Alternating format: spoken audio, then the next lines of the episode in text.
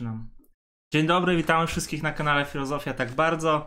I dzisiaj e, chłopaki z Koła Myśli Lewicowej UŚ przedstawią wam wstęp do Pierre'a Bourdieu.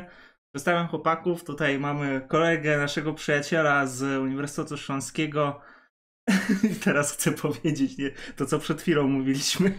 e, Krzysztof Herman, e, ty się interesujesz może, może sam powie, powiesz o swoich zainteresowaniach, dlatego że ja tak naprawdę nie wiem nawet połowy rzeczy, które Mhm. robisz, a E, robisz. Ja się przede wszystkim interesuję filozofią sztuki. Mhm. E, Teraz się zajmowałem e, kulturą masową, e, Schustermanem, pragmatyzmem, e, tymi sprawami.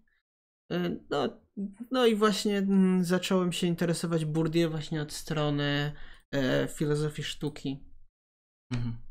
I Michał Ramsługowski. E, Michała nie będę już przedstawiał. E, Michał, jak kiedyś powiedziałeś, jestem założycielem i ktoś później zostawił komentarz, pierwszy raz ciebie widzę, założyciel ty. e, no, oddaję wam słowo. Dlaczego Pierre Bourdieu? Dlaczego wybraliście? Skąd zainteresowanie?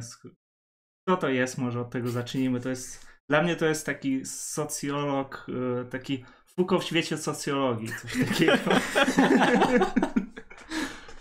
Coś w tym jest. Y, Krzysiek powiedział, że się interesuje filozofią sztuki i też przez to doszedł właśnie do socjologii sztuki Pierre'a Bourdieu. E, Ja natomiast oprócz tych wielu rzeczy, które poruszam na streamach, e, zajmuję się, studiuję, interesuję się filozofią mediów i komunikowania. I dla mnie znowu Pierre Bourdieu jest poniekąd y, socjologiem y, mediów, socjologiem komunikacji, ale wszystkie te inne kwestie, jakieś tam właśnie teoria pól habitusu, kapitałów, y, przemocy symbolicznej też przecież do rozumienia komunikacji się przydaje. A poza tym chyba tutaj się zgodzisz Krzysztofie, że obaj jako interesujący się myślą lewicową ją praktykujący uważamy ogólnie Pierre'a Bourdieu za ciekawego, krytycznego myśliciela. Tak, zdecydowanie e, Pierre Bourdieu daje metodologię i daje wiedzę na temat tego, jak funkcjonuje społeczeństwo, jak funkcjonuje e, oświata, e, w jaki sposób wytwarza się władza, w szerokim znaczeniu władzy, i przez to jest moim zdaniem. No, może niekonieczny, ale warto go znać, jeśli się e, interesujemy em, kwestiami społecznymi, politycznymi, etyką. Może przechodząc do tego, kim był Pierre Mhm. Bourdieu, coś co by samego, co chyba nie tyle by interesowało, co interesowało i Bourdieu to problematyzował, czyli jego pochodzenie, tak? Mhm. Był synem chłopa. E, Jakby te różnice klasowe od małości zauważał, dlatego że mm, dlatego, że on był jednym z tych, co on by nazwał cudownych dzieci, tak? Mhm. które awansowały dzięki szkole y, y, klasową, bo był, y, no miał, on by powiedział, że miał takie usposobienie, y, lubił czytać, lubił się dokształcać, no i takim pierwszym backgroundem y, Bourdieu była filozofia y, Martina Heideggera. I jedną z jego pierwszych takich książek, gdzie, gdzie w ogóle gdzieś wypłynął, y, to była onto, y, dosłownie cytu, cy, tytuł brzmi Ontologia polityczna Martina Heideggera. No ale z czasem przeszedł on przez etnografię po socjologię, y, właśnie ku takim konkretnym, empirycznym zainteresowaniom, tak? Y, To z Krzyśkiem często właśnie Mhm. powtarzamy, że Bourdieu bierze aparat pojęciowy filozofii i go jakby weryfikuje poniekąd empirycznie na poru socjologii, potem samemu na podstawie obserwacji produkując pewien aparat pojęciowy, te wszystkie kapitały, pola i tak dalej, o których dzisiaj będziemy mówić, które z powrotem poniekąd wracają do filozofii są przydatnymi narzędziami, y, dlatego że e, są osadzone empirycznie. Dokładnie. I em, Pierre Bourdieu jako socjolog przede wszystkim tworzył pod e, in, e, w inspiracji Weberem, Durkheimem i oczywiście Karolem Marxem. Em, Marx to przez pewien czas był w, w naukach humanistycznych takim średnio widzianym e, teoretykiem, no ale jak już w 1968 roku e, ruchy lewicowe zaczęły e, na uniwersytetach zdobywać kapitał symboliczny, zaczęły być e, szanowane, zaczęły odgrywać pewną rolę, to on już odwoływał się do Marksa odważniej, e, ale e, po pierwsze socjologii Bourdieu nie da się zredukować do jego wielkich poprzedników. Na szczęście. Na szczęście. Po drugie, on wiele wątków połączył, inne kwestie wprowadził. On się odwołuje on do tych socjologów, do Marksa, do Webera, do Durkheima. E, odwołuje się też do wielu filozofów. Tak, ja chciałem dodać e, to, co do Michała ostatnio pisałem o Fritzu Ringerze, jest taki mniej znany na pewno w polskich kręgach. Nie przetłumaczyli jego książkę, to jest, e, on jest historyk, socjolog, znaczy Fritz Ringer napisał książkę w Stanach Zjednoczonych chyba Zachód niemieckich mandarynów. Książka, która nie została przetłumaczona na polski. To jest 800 stron, całe opracowanie głównie dotyczące tych filozofów, profesorów e, od lat, no właśnie tutaj mam 1890-1933, więc czasy tak, to, to Heideggera jest... i to jest takie tło, gdzieś tam on się inspirował tą pracą i to jest chyba bardzo ważna praca, może kiedyś o niej coś, coś chciałbym zrobić, bo naprawdę... Jest takie widmo, y, że socjolodzy, filozofowie, ogólnie teoretycy, badacze krytyczni będą chcieli powtórzyć refleksje e, Bourdieu dotyczące e, władzy, pól, kapitałów, e, takich niejawnych, ale i też nienaukowych czynników uprawiania nauki. I to jest ta książka Bourdieu, która mnie najbardziej imponuje, czyli Homo Academicus. Ona niestety nie została no niestety nie została przetłumaczona na język polski. To jest anglojęzyczne wydanie tylko takie mamy w bibliotece. I wydaje mi się, że ten niemiecki socjolog, o którym wspomniałeś, próbował coś takiego zrobić. Jeden z uczniów jest... Bourdieu na y, University of Berkeley y, próbował skopiować ten aparat i, i, i, jakby zobaczyć, jak na tamtym gruncie mhm. wychodzą te badania. O co chodzi w ogóle w tym problematyzowaniu warunków uprawiania nauki przez Bourdieu, to to powiemy, to jest znowu bardziej mój konik nawet niż, niż, niż, mhm. niż Krzyś, Krzyśka. No trzeba po prostu wspomnieć, że Bourdieu ze swoją socjologią zapuścił się, chyba mogę tak powiedzieć, na dwa pola epistemologii i językoznawstwa. Tak. W obu y, dopuścił się małego przewrotu. Tak, y, w epistemologii no to jest trochę filozofia nauki. Ja bym zaryzykował takie stwierdzenie, że jeśli chodzi o głębię tej krytyki, to on sięga nawet trochę tak jak szkoła frankfurcka w analogicznym niemieckim sporze o pozytywizm w, w, w socjologii niemieckiej, tam gdzie Adorno się e, miał haje z, z, z Popperem. E, natomiast e, to, co mówiłeś o maju 68, to jest bardzo ważne, żeby pokazać, gdzie też światopoglądowo stał Bourdieu ponieważ on był bardzo sceptyczny do tych wydarzeń. I to jest y, y, ważna teza, do której powrócimy. Y, jakby to powiedzieć, Bourdieu jako socjolog, w sensie na bazie swoich doświadczeń badawczych twierdził, czy sprzeciwiał się temu, żeby kontrkultura rościła sobie prawa do mówienia w imieniu klas niższych, do robotników, chłopów i tak dalej. I nie chodzi o to, że oni coś złego tym robią, bo to jest, y, to już nam jakby Burdię zostawia do interpretacji, tylko że oni nie, nie są w stanie reprezentować tej grupy. Dlatego, że tu mówimy o dzieciakach z uniwersytetów wykształconych i tak dalej, mhm. rzadko kiedy o pochodzeniu jakimś nawet robotniczym, ale nawet chrzanić pochodzenie, oni po prostu mieli całkiem inną perspektywę. I nawet jeśli próbowali się wysławiać w imieniu y, tak zwanej klasy robotniczej i tak dalej, y, to ta ich perspektywa zawsze będzie patronizująca, taka no nieadekwatna, ale do, do tego przejdziemy. Ja myślę, że Bourdieu był jednym z ciekawszych obserwatorów tego Maja, że gdyby nie te jego gorzkie refleksje, to, to byśmy nie mieli tego Bourdieu dojrzałego później. Myślę, że on był podobnym komentatorem tamtych wydarzeń, jak na przykład Lacan, który się gdzieś niby kibicował tym studentom, ale bardzo sceptycznie, bo powiedział, że prosicie o mistrza, dostaniecie go. Upatrywał w tym problem strukturalny, w który się wprątali y, protestujący, studiujący. E, natomiast y, Bourdieu to samo by, na tym samym poziomie jakby to problematyzował, nie? Więc... Tak, tak. Ja bym jeszcze zwrócił uwagę na komentarze. E, witamy, witamy wszystkich. Dzień dobry. Dajcie dzisiaj do pieca, tak jest. Napisy końcowe. Ja też jestem z rodziny chłopskiej, e, to się cieszymy.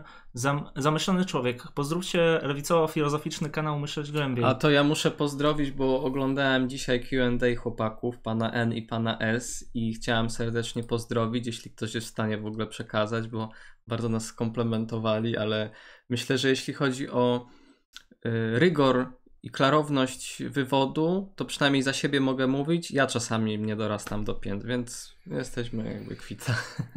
Free No. Jeżeli chodzi w ogóle o kwestię filmików, dlatego że my nie robimy filmików, a to Gdzie jest, schowałeś jest Idasiaka? kawał, e, kawał pracy w ogóle to, co oni robią i to dobre i dlatego, że no, montaż wymaga sporo czasu. Nie zmieniaj tematu, tak gdzie dalej. schowałeś Michała? E, Michał ma... Wypadnie zaraz z szafy. Miał wczoraj urodziny, dzisiaj go nie ma i w ogóle nie ma go ostatnio, e, ale Michał się pojawi na streamach i to już jest taki, już któryś raz nam piszą Free Dasiak.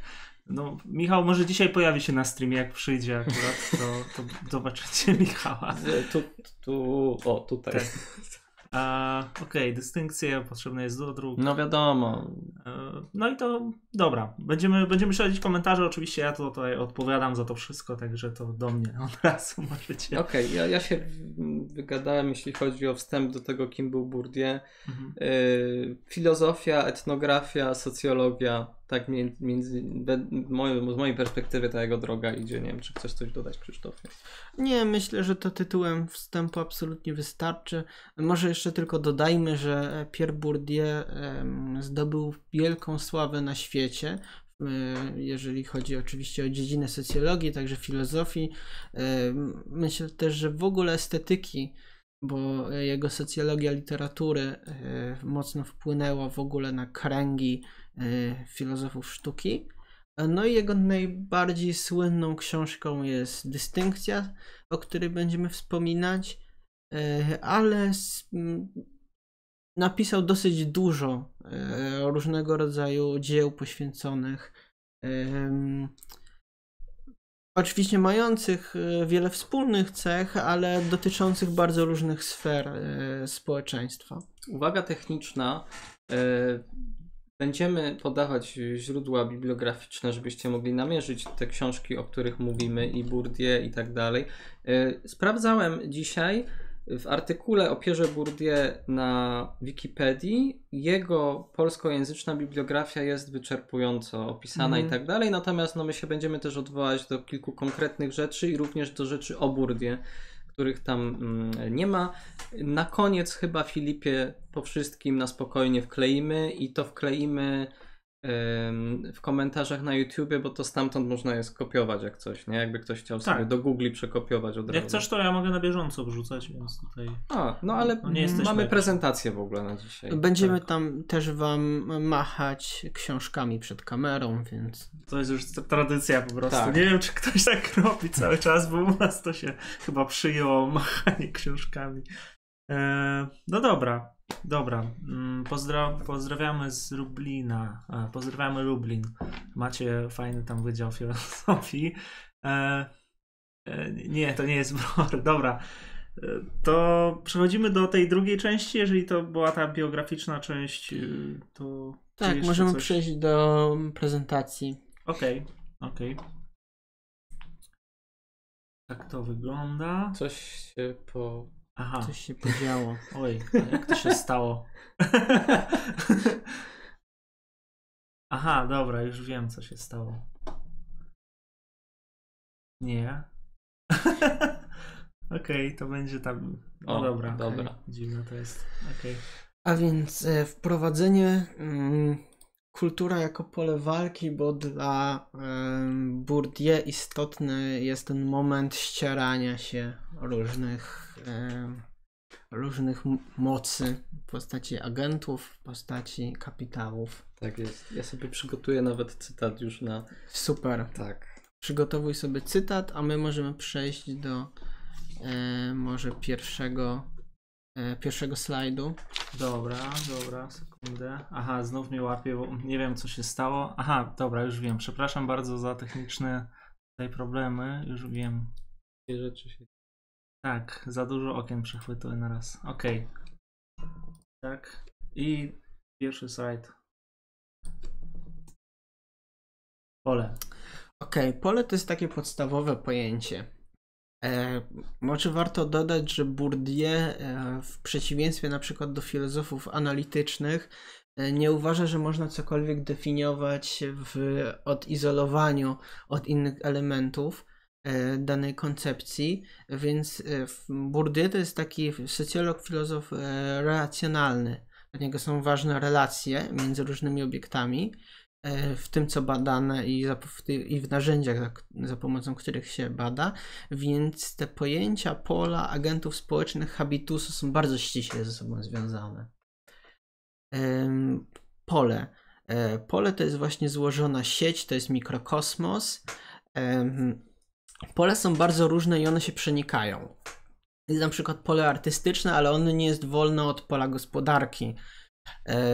Oczywiście ono może być e, bardziej albo e, mniej zależne od innych, e, innych pól.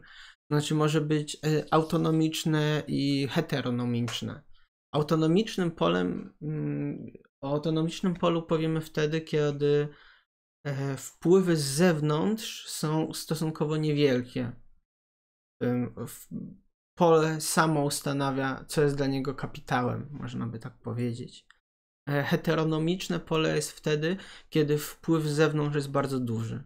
Na przykład na, e, w dziedzinie sztuki e, Pierre Bourdieu wykazuje to na przykładzie pola sztuki w XIX-wiecznej Francji, które właśnie zyskiwało coraz to szerszą autonomię.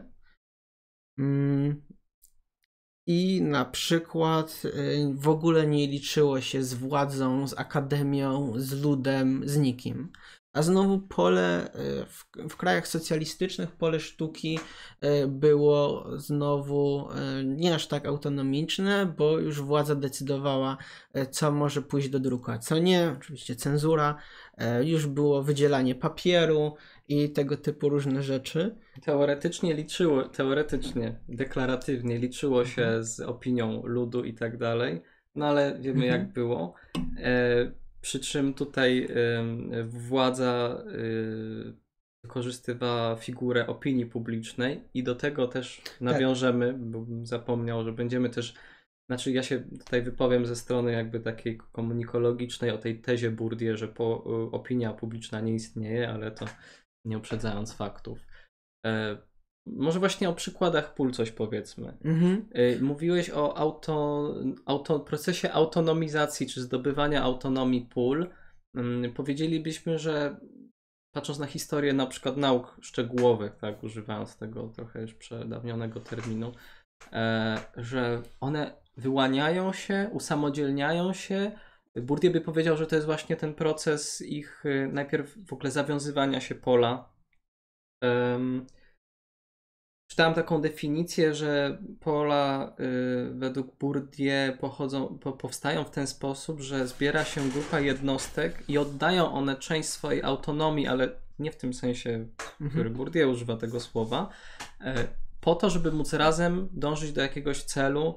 No tym celem, koniec końców, jest taki trochę determinizm ze strony Bourdieu, czy może też pesymizm, jest jakiś kapitał, tak? Ekonomiczny bądź kulturowy. Ten kapitał nie ma nic wspólnego z społecznym. E, nie należy rozumieć kapitału jak, tak, jak my go rozumiemy często. Jako pieniążki. Tak, nie, nie, nie, nie, nie, ale od, do tego też przejdziemy. E, właśnie. No i jeżeli pole jest odpowiednio autonomiczne, to mamy nową dziedzinę, na przykład nauk szczegółowych, albo mamy e, artystów, którzy zawiązują się w pewną grupę społeczną, która zaczyna mieć coś do powiedzenia w, w swoim świecie społecznym.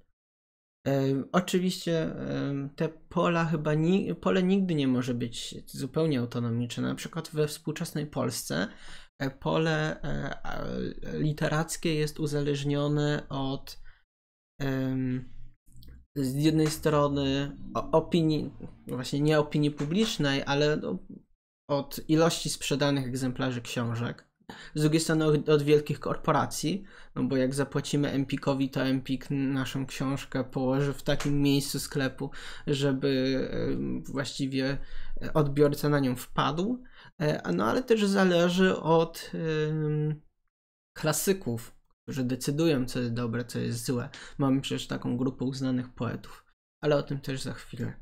Coś może jeszcze na temat pola kontekście dziennikarskiego, czy przechodzimy dalej? E, ja wam no. zadam takie pytanie, czym się różni pole od grupy interesów, tak prościej mówiąc? E, czy to jest, jest jakaś różnica pomiędzy polem i powiedzmy grupa ludzi po prostu, która uznaje pewne rzeczy, pewne rzeczy nie uznaje? Nie, to nie jest gru- pole nie jest grupą. W polu mogą być bardzo różne grupy mhm. mające przeciwne zupełnie interesy. Mhm. E, które walczą o jakiś kapitał, E, I tak na przykład może dojść do tego, że pole jest zupełnie podzielone i w, nikt ze sobą nie współpracuje. Więc nie łączy. E, Jasne. E, interes nie łączy, łączy walka o kapitał. Czy się tego chce, czy się. Społeczny. E, różne, różne są rodzaje kapitału. Mhm. Okej, okay, dobra. Ja bym się w sumie teraz, nie możesz wrócić do nas, bo tu zresztą jest uwaga z komentarzy, że fajnie się patrzy na nas niż na prezentację. Dobra, myślałem, że coś tam... Okay. Wiecie co, ogólnie znowu będzie miganie książką. To jest, moi drodzy, reprodukcja Pierre Bourdieu i Jean-Claude'a Passrona, e, ucznia czy towarzysza e, Bourdieu. No, ja nie wiem, gdzie jest płaszczyzna kamery. No, Tutaj machamy. Jest. Mój egzemplarz jest po boku spalony słońcem, ale. I to jest pierwsza książka. Nie mówię o, o tekstach e, pojedynczych. To jest pierwsza książka, która w całości została e, wydana w Polsce, przetłumaczona Piera Burdie w 90 roku. Drugie wydanie było tam w 2007-2006, mniejsza o to. W każdym razie przedmowę, która również wprowadza w ogóle do. Mm, do Pierre Bourdieu, kim on był, skąd on się wziął i tak dalej, napisała pani Antonina Kłoskowska, która jest bardzo ważną teoretyczką tak. antropologii kulturowej, socjologii kultury i tak dalej w Polsce. No. Zapraszamy no. do prac tej pani, bo one też mają duże znaczenie dla tych dziedzin socjologii, o których mówimy. No i ona też próbuje jakoś usadzić Bourdieu w kontekście polskiej socjologii, tak? Na przykład Znaniecki, rola uczonego w, w, społeczeństwie, chyba się tak ta książka nazywała, zresztą wydana w tej samej serii co Bourdieu. Ona pokazuje, że jest jakiś taki zeitgeist duch dziejów, że w Polsce Znaniecki zaczął się tym samym zajmować w podobnym czasie jak Bourdieu. W każdym razie ona mm, zadaje takie pytanie, no w sumie na, na, na jakiej podstawie moglibyśmy obserwować rzeczywiście o to, o co to pytałeś, Filipie, że jest jakiś interes wspólny, konatus chciałbym powiedzieć, jak e, Spinoza, Spinoza. tak. Wspólna walka w tym, w tym polu i pozwolę sobie zacytować. E, powstaje w związku z tym pytanie, co stanowi według autora, czyli Bourdieu, zasady homologii pozwalającą traktować pole symboliczne e, jako wspólną kategorię przejściową, jakkolwiek realizowaną w różnych wersjach systemowych. Bourdieu odpowiada na to określeniem własnej tezy poznawczej, krystalizującej się od wielu lat. Tezę tę wyraża myśl, że, i tu jest cytat z Bourdieu, że podstawowy wymiar życia społecznego stanowią walki o uznanie i że ich stawką jest nagromadzenie szczególnej formy kapitału – honoru w sensie reputacji, prestiżu i że istnieje tu swoista logika akumulacji kapitału symbolicznego jako kapitału oparnego na wiedzy i uznaniu.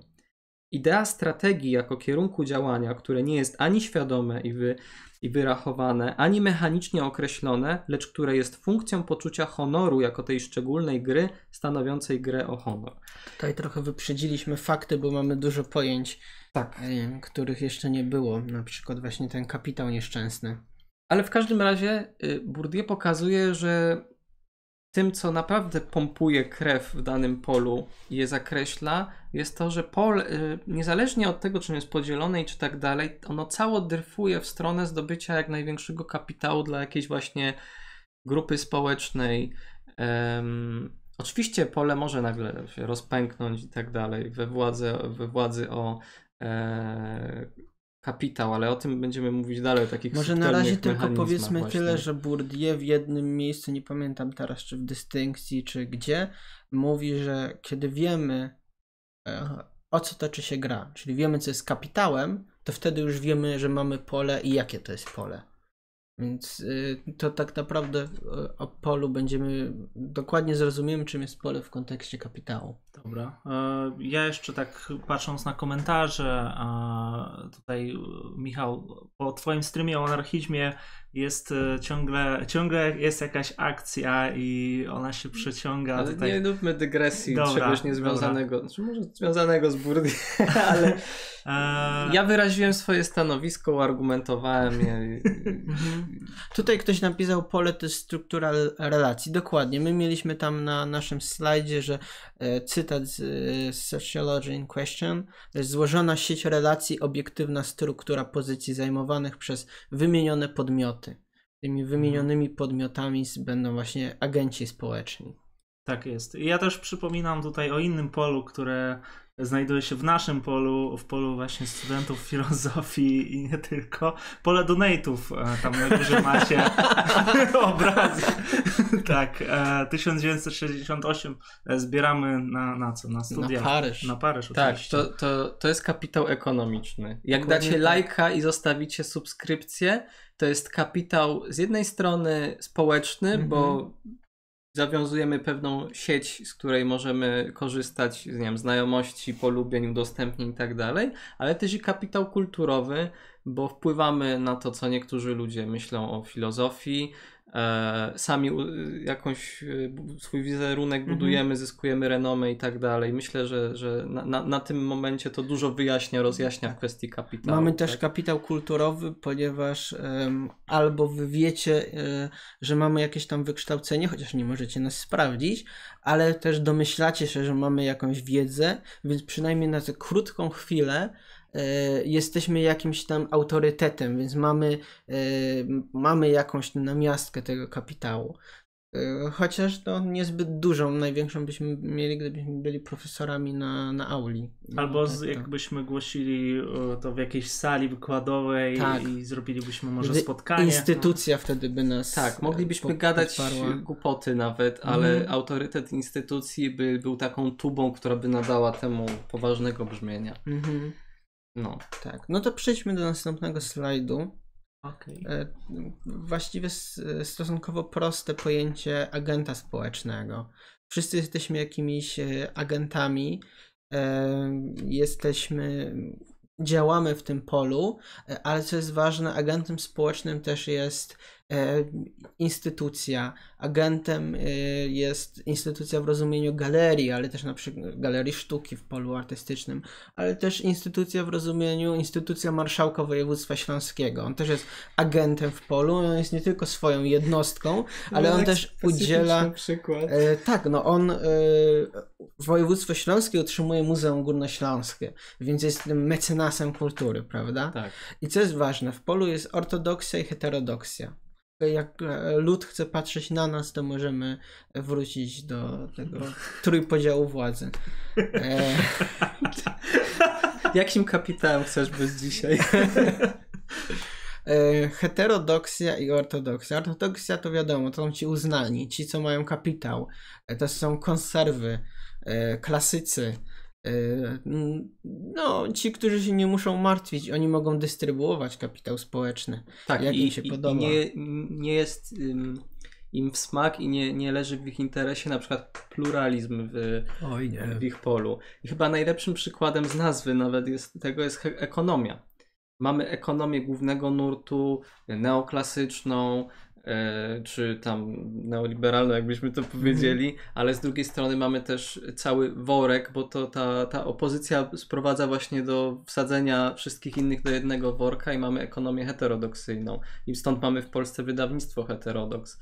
E, Mhm. e, I, i, I mamy tam ekonomię zieloną, feministyczną, keyn- keynesowską, postkeynesowską, marksowską i tak dalej, i tak dalej. Bo właśnie musi być w polu heterodoksja, czyli ci, którzy walczą o uznanie, walczą o kapitał, e, którzy chcą zdobyć miejsce z tych wyklętych, E, no i to prędzej czy później musi się stać i wtedy heterodoksja staje się ortodoksją, ale mm, czyli dochodzi do zamiany, zamiany miejsc w polu. No i to też trwa tylko przez określony czas, bo młodzi muszą wyprzeć starych. Oczywiście to nie chodzi o wiek biologiczny, no ale chodzi o to, że musi dojść do tej wymiany wymiany, no w jakimś sensie pokoleniowej, ale tu chodzi o czas przebywania w polu. Ja mam sobie taką teraz y, na szybko refleksję, bo trochę mi to przypomina to, o czym pisała Chantal Mouffe razem z Ernest Laclau w ich teorii, ideologii i tak dalej, e, jak pisali o hegemonii E, że jest coś takiego jak konstytutywne zewnętrze, że pewne tożsamości albo e, ruchy społeczne i tak dalej budują się poprzez nie wykazanie swoich własnych konstruktywnych, pozytywnych cech, tylko przez negację czegoś, co jest na zewnątrz. I być może tutaj istotnym czynnikiem przy zawiązaniu się pola byłoby też odróżnienie się, może też rozumiane jako dystynkcja Bourdieu, ale chodzi o to, że my jesteśmy prawowitym, ortodoksyjnym polem, na przykład jakiejś tam dziedziny naukowej, bo nie jesteśmy tymi tam innymi szarlatanami i tak mhm. dalej, i tak dalej. My mamy coś, czego oni nie mają. Tak. Czyli my jesteśmy ortodoksją, ale nie tylko jesteśmy ortodoksją, to my jesteśmy tym polem. Oni oczywiście nie muszą tego świadomie jakby rozumieć, bo to zupełnie nie o to chodzi. Ale to się wyraża w takich zdaniach, jak na przykład, no, no tutaj się zebrali wszyscy, którzy coś znaczą, albo my tutaj, nie wiem, jesteśmy. Jest, no, my tutaj głosimy Słowo Boże, a reszta to są szarlatanie, oni w ogóle nic nie wiedzą, prawdy nie znają. No to też na przykładzie sztuki by można było dosyć łatwo. E, awangarda musi być um, heterodoksyjna, nie? W jakimś sensie. Teraz to słowo awangarda nabiera coraz, coraz to różnych znaczeń.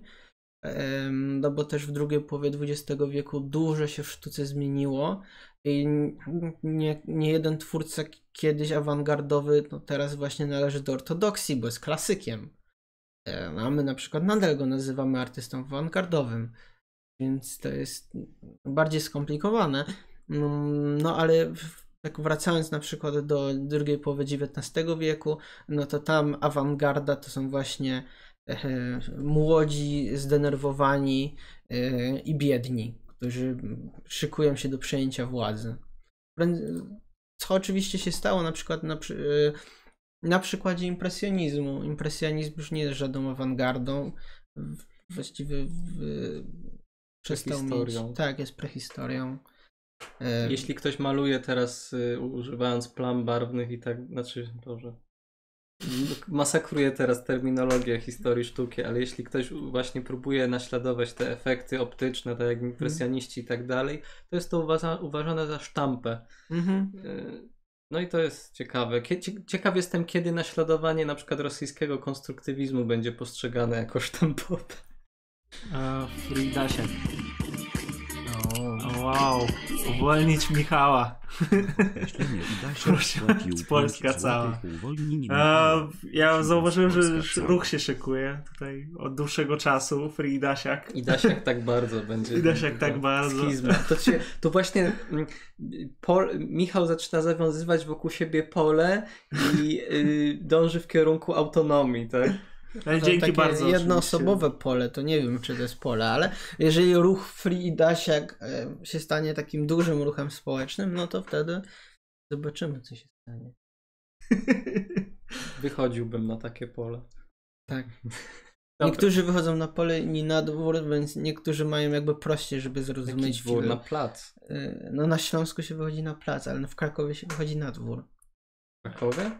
Na Przepraszam, na, w Krakowie no, na pole, w Warszawie. i Galicji. O Jezu. E, tak, komentarze jeszcze. Bartek Sekowski, filozofia tak bardzo wyjeździ mi to z mózgu, dokładnie to pomyślałem. Nie wiem o co chodzi, ale jest nam bardzo miło. Mszonka 1. Ja swój kapitał e, kulturowy roztrwoniłem. Jak można roztrwonić kapitał kulturowy? Trudno powiedzieć, właśnie się nad tym też zastanawiałem. No jeżeli masz dyplom, to nie możesz go roztrwonić. Jeżeli, właściwie jeżeli masz dzieła sztuki, one Chyba, też... żeby cię ekskomunikowali za coś. W sensie tak jak Lakana z y, tego Międzynarodowego Stowarzystwa Psychoanalitycznego. Zamówienie rzeczy heterodoksyjnych. No. Można kogoś zdegradować. Właściwie to tak. Wykląć. Jak byłeś ministrem, a potem cię stawiałem przed sądem, to w jakimś sensie. Kurwa, piję ci wodę. Och ty, podłe. Masz moją, jest ich więcej. A piłeś już swoją? Mamy dużo czy- wody, spokojnie. Mamy kapitał wodziczny. Dobra, e, Bartek Wodnisty. Sykowski, ja się poczułem w obowiązku bronić libertariańskiego anarchizmu, dobrze. Dobra, A- urzekła mnie twoja historia. Na Śląsku powie... e, a na Śląsku powierzchnię, to Na powierzchnię tak, na powierzchnię, ja. Merta Na Tomasz wierch. Adam. Ja, synek, Genau. genau. Szolom. Dobrze. E, Roztrwonić kapitał kulturowy to zaprzeć się habitusu, ale nie można się zaprzeć habitusu właściwie. Znaczy, wy... ha, to habitus nas determinuje, a nie my habitus. Można udawać, że się go... Tak. Można udawać, tak jak niektórzy lewicowcy, że się nie jest wykształciuchem, ale E, Skąd słowo Mhm. habitus pochodzi? Z jakiego języka i czy wcześniej były już jakieś podobne koncepcje? To jest dla ciebie pytanie. Y, kurczę, ja, się, nie- ja nie wnikałem w z ale łaciny? Tak, habito, tak. habitar, mieszkać w sensie. Y, Ale patrząc skąd to Mhm. Bourdieu wziął, no to przecież habitus głównie wywodzi się z tego, gdzie się wychowałeś, tak? Jakie, y, używając takich rudymentalnych pojęć socjologii, gdzie, następ, gdzie nastąpiła tego. twoja e, pierwotna e, socjalizacja. Gdzie, z habitusem jest ten problem, że właśnie ciężko wykorzenić siebie y, język, pewne koncepcje poznawcze, które się ma w, w głowie, więc to jest to, co się wynosi jakby z E, domu, tak, tak? e, kilka ważnych rzeczy o habitusie. Po pierwsze, każdy ma swój habitus, ale to nie jest jeden habitus. E, Ja mam na przykład habitus mężczyzny, e, habitus studenta, tak samo jak my wszyscy tutaj. Mamy swój habitus Polaka, jeżeli się oczywiście w jakimś sensie. E, więc tych habitusów tak naprawdę jest kilka, no i mamy swój habitus językowy, o czym mm, za chwilę będzie e, trochę więcej. tak na mnie spojrzałeś. No. ja już nie jestem w tym habitusie. Jesteś, właśnie jesteś, ale to będzie o tym za chwilę. E, no i my mamy zawsze złudzenie wolnej woli. Na przykład e, zaczynamy się. Nie, ja nie twierdzę, że człowiek nie ma wolnej woli w tym rozumieniu, jak, jak psycholodzy o tym rozmawiają, bo to w ogóle nie o to chodzi. Tylko chodzi o e, inny rodzaj wolnej woli. O to, że człowiekowi zawsze się wydaje, że to on postanowił, że nie pójdzie na studia, że pójdzie na studia, tak dalej, tak. E, No, w niektórych warunkach tak, ale zazwyczaj jednak jak już weźmiemy sobie całe społeczeństwo i podzielimy je na klasy, to się okaże, że no e, jednak habitus wygrywa, jak się pochodzi z odpowiedniej klasy społecznej, to się idzie na studia, jak nie, to nie. Więc ta wolna wola to jest taka wzięta w nawias, e, bo z ha- habitusu nie można się pozbyć. E, I teraz będziemy mieli kolejny slajd, to jest habitus na przykładzie języka naturalnego, czyli języka, jakim się Ja bym posługujemy. tylko dodał, że to nie jest tak, Mhm. że y, nikt nie próbował krytykować w tej kwestii y, Bourdieu. My jakby teraz jesteśmy jego, jakby to powiedzieć, wy, wypowiadamy teorię Bourdieu, Tak, tak. niezależnie od tego, czy się zgadzamy, czy nie, bo, bo na przykład no ja też mały research zrobiłem, przynajmniej z perspektywy socjologii mediów. Mm, No i, i, i, i są niektórzy, mm, jakby to powiedzieć, niektórzy teoretycy y, zobaczyli w, z perspektywy krytycznej, czy też lewicowej, że ta perspektywa Bourdieu, jeśli chodzi o habitus, jest taka strasznie y, determinująca, taka pesymistyczna, że no nie, nie ucieknie się od tego i tak dalej. Mhm. Y, No a na przykład y, Anthony Giddens, no, taki jeden z bardziej znanych socjologów, stwierdził, że warto obserwować te momenty, kiedy reprodukcja habitusu, czyli przekierowywanie w społeczeństwie ludzi ze względu na ich habitus, czyli y, biedak pozostanie biedakiem, chłop pozostanie chłopem i tak dalej, mężczyzna mężczyzną i tak dalej. Trzeba obserwować momenty, kiedy ta reprodukcja zawodzi. Tak. Kiedy y, coś się wykoleja, wykoleja względem jakby wpisanych w system prawideł.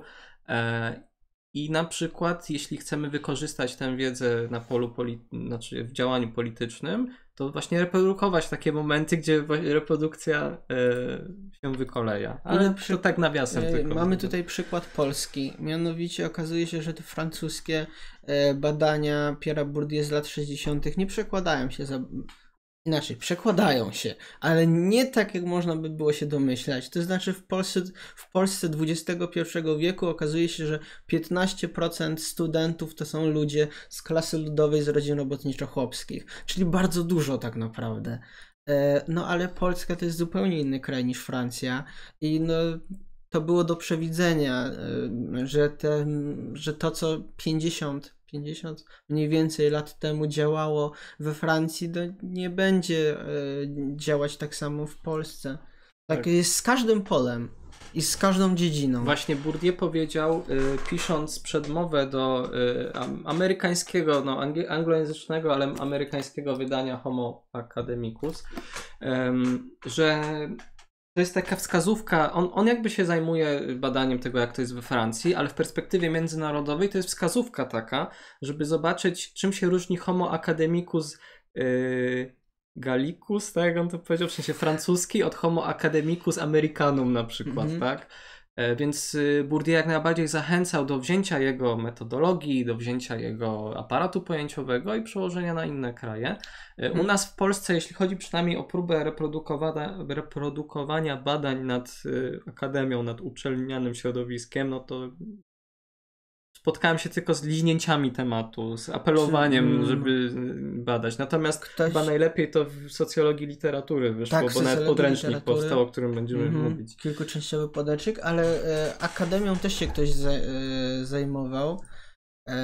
I jakieś właśnie te 15% wziąłem z jakichś badań, ale nie pamiętam z jakich. Więc... Mi się przypomniała jeszcze statystyka, Nie wiem. którą Bourdieu podawał, że na początku XX wieku we Francji tylko 1% spo, yy, w sensie 0,9 coś tam y, procent społeczeństwa miało maturę w ogóle, nie?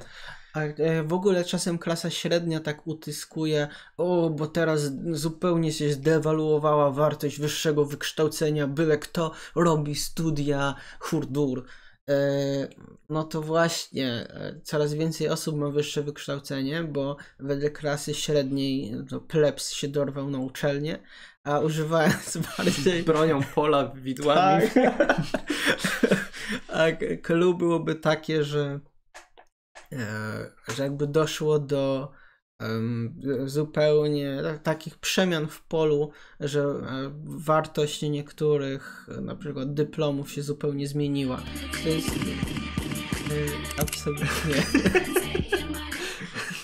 Pieski, E, Dzięki bardzo. ficie kogo wpłacił 10 Kochać pieski.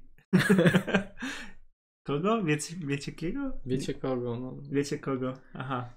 Jasne. Pieski Tak. się rymuje. I są, Powiedzmy to na Mm, głos. Dzięki bardzo. Nie pieski. E, Są też w ogóle pola międzynarodowe, to jest ważne. Że to pole nie, nie odnosi się do kraju, że mamy pole. em, mamy pole na przykład akademickie w Polsce, bo mamy jedno ministerstwo, e, jed, jednego ministra, niestety. E, mamy takie, a nie inne uczelnie, ale na przykład pole artystyczne nie jest już za bardzo narodowe. Ono już jest trochę ponad narodową siatką powiązań. Chociaż są oczywiście, e, jakby każde pole się sk- składa z mniejszych pól, a tamte pola z jeszcze mniejszych pól. Krzysztofie, może przejdźmy do y, habitusu na przykładzie języka naturalnego. to to, jest jest ciekawe. ciekawy to, to jest przykład. twoja broszka bardziej, chociaż ja się otarłem o nią kiedyś. Mhm. E, Kojarzycie na pewno ten w ogóle filming. e, Nie rozumiem ludzi, którzy nie rozumieją hip-hopu w Polsce, tak? To jest klasyk. No on jest e, zabawny dlatego, że to mówi dresiarz i tak plącze się trochę, nie wiadomo o co mu chodzi. Ja na przykład po moim licencjacie z kultury popularnej uważam, że jego refleksja jest całkiem sensowna. E, Nawet więcej niż sensowna e, zgodna z pewnymi intuicjami w estetyce najnowszej. No ale on nie mógł być potraktowany na poważnie, bo, jaki, bo jakim on się posługiwał językiem. Bo habitus językowy jest em, związany z nabywaniem języka socjalizacji pierwotnej. Więc skoro my się uczymy od rodziców i od rodziny, jak mówić, to od razu uczymy się nie tylko składni gramatyki i tak dalej, tak dalej, ale my się też uczymy e, różnych rzeczy składających się na nasz e, habitus językowy, które będą świadczyć o naszej klasie społecznej, grupie i tak dalej, i tak dalej. Na przykład intonacja, e, akcent. Człowiek wykształcony, e, właściwie nie no, właściwie każdy człowiek w Polsce od razu słyszy, czy ma do czynienia zazwyczaj z kimś po studiach, z kimś z klasy ludowej, z klasy średniej. E, To, że my w ogóle możemy powiedzieć, że e, on mówi jak dresiarz, to to już świadczy, że my rozpoznajemy habitus językowy. E, A jak kiedy byśmy powiedzieli, że on mówi, no on mówi jak profesor, no to znowu rozpoznajemy jakiś habitus. I zwróćcie też uwagę, że e, w pewnych środowiskach e, mówi się pełnymi, długimi zdaniami, wielokrotnie złożonymi. W pewnych to by było bardzo dziwne. W jeszcze innych środowiskach e, jest taki dosyć niezrozumiały akcent. W innych ta wymowa musi być perfekcyjna. E, No i oczywiście e, klasa wyższa e, patrzy z, trochę tak z pogardą na te niższe i dlatego właśnie nas śmieszy dresiarz, bo on mówi, on ma habitus językowy klasy ludowej, którą my trochę gardzimy. Tak jak gardzimy Sebą, Grażyną, Januszem. Tak, paradoks, o którym ktoś wspomniał w, w komentarzach, jest taki, że kiedy spotykamy się po środku, na przykład gdzieś na polu tak zwanej klasy średniej albo ciut niżej, e, to mamy habitus w dużej części przynajmniej, pochodzenie, czy nawet właśnie interesy w naszych polach i tak dalej, klasy, klas ogólnie niższych bardziej niż wyższych, ale jednocześnie śmiejemy się z ludzi, którzy y, bez udawania y, przejawiają ten habitus klasy niższej. Mhm. Więc jakby ekonomicznie, obiekty, obiektywnie w tym rozumieniu Bourdieu struk względem struktury społeczeństwa niewiele się różnimy od właśnie dresiarza czy kogoś tam, ale śmiejemy się z nich, przyjmując na chwilę wręcz wyobrażeniowy taki sposób pozycję klasy wyższej. Mhm. Znaczy, różnimy się o tyle, to jest istotne, że my mm, potrafimy naśladować dresiarza. Innymi słowy, my jesteśmy w stanie opanować jego habitus językowy i własny. Ja nie wiem, bo to nie będzie do końca zawsze Ale nie, nie, to jest z perspektywy Bourdieu ważne. To znaczy, ja go potrafię zrozumieć, ale on mnie już nie. Tak. W tym sensie, że dresiarz nie pójdzie na wykład filozofa, oczywiście będzie tam, y, jest 0,01 powiedzmy dresiarzy, którzy pójdą i zrozumieją wszystko, ale oni nie pójdą i nie zrozumieją, ale my już dresiarza zrozumiemy zazwyczaj Mhm. i dlatego to jest właśnie podstawa tej naszej pogardy wobec, zazwyczaj oczywiście nie wszyscy gardzą klasą ludową. Y, Małgorzata Jacyno we wstępie do Bourdieu o telewizji i panowanie dziennikarstwa pisze, bardzo to streszcza tak krótko, że właśnie legitymizacja kultury dotyczy wszystkich. Wszyscy czują presję, y, że jest jakaś kultura lepsza, wzorcowa, ale nie wszyscy mają do niej dostęp. Tak, zdecydowanie. Czyli to w dół na wszystkich emanuje, promieniuje, Tak. Ale nie każdy może y, odpowiedzieć na to wezwanie. I ja jeszcze chciałbym zwrócić uwagę wasze, waszą uwagę na komentarze. Paweł e, Hrabowicz, e, czyli kiedy zaistnieje mobilność społeczna? Czyli wtedy, kiedy właśnie coraz więcej, to była, ja widziałem kiedyś się ten komentarz pojawił, to był komentarz do tego, że coraz więcej ludzi idzie na studia. No tak, to jest przejaw Mhm. mobilności społecznej. Tak, tak. E, Który wpływa na to pole akademickie. e, Mister Ben Benki. E, w Polsce 90% klasy rodowej myśli, że jest klasą średnią pochodzącą ze szlachty. No to, to, to, to ja sumie E, powiedziałem. tak, no. ponieważ e, klasa e, niższa aspiruje do klasy wyższej. E, więc e, średnia do wyższej, ludowa do średniej, e, więc e, no, trzeba jakby przejmować te wzorce z góry. No, Więc do kogo się. A poza tym, kultura narodowa. O kulturze narodowej e, wypowiada się tylko klasa wyższa. I tylko kultura klasy wyższej jest klasą e, e, jest kulturą narodową. A to oznacza, że kultura narodowa Polaków to jest kultura klasy wyższej Polaków, a cała klasa wyższa Polaków to jest szlachta.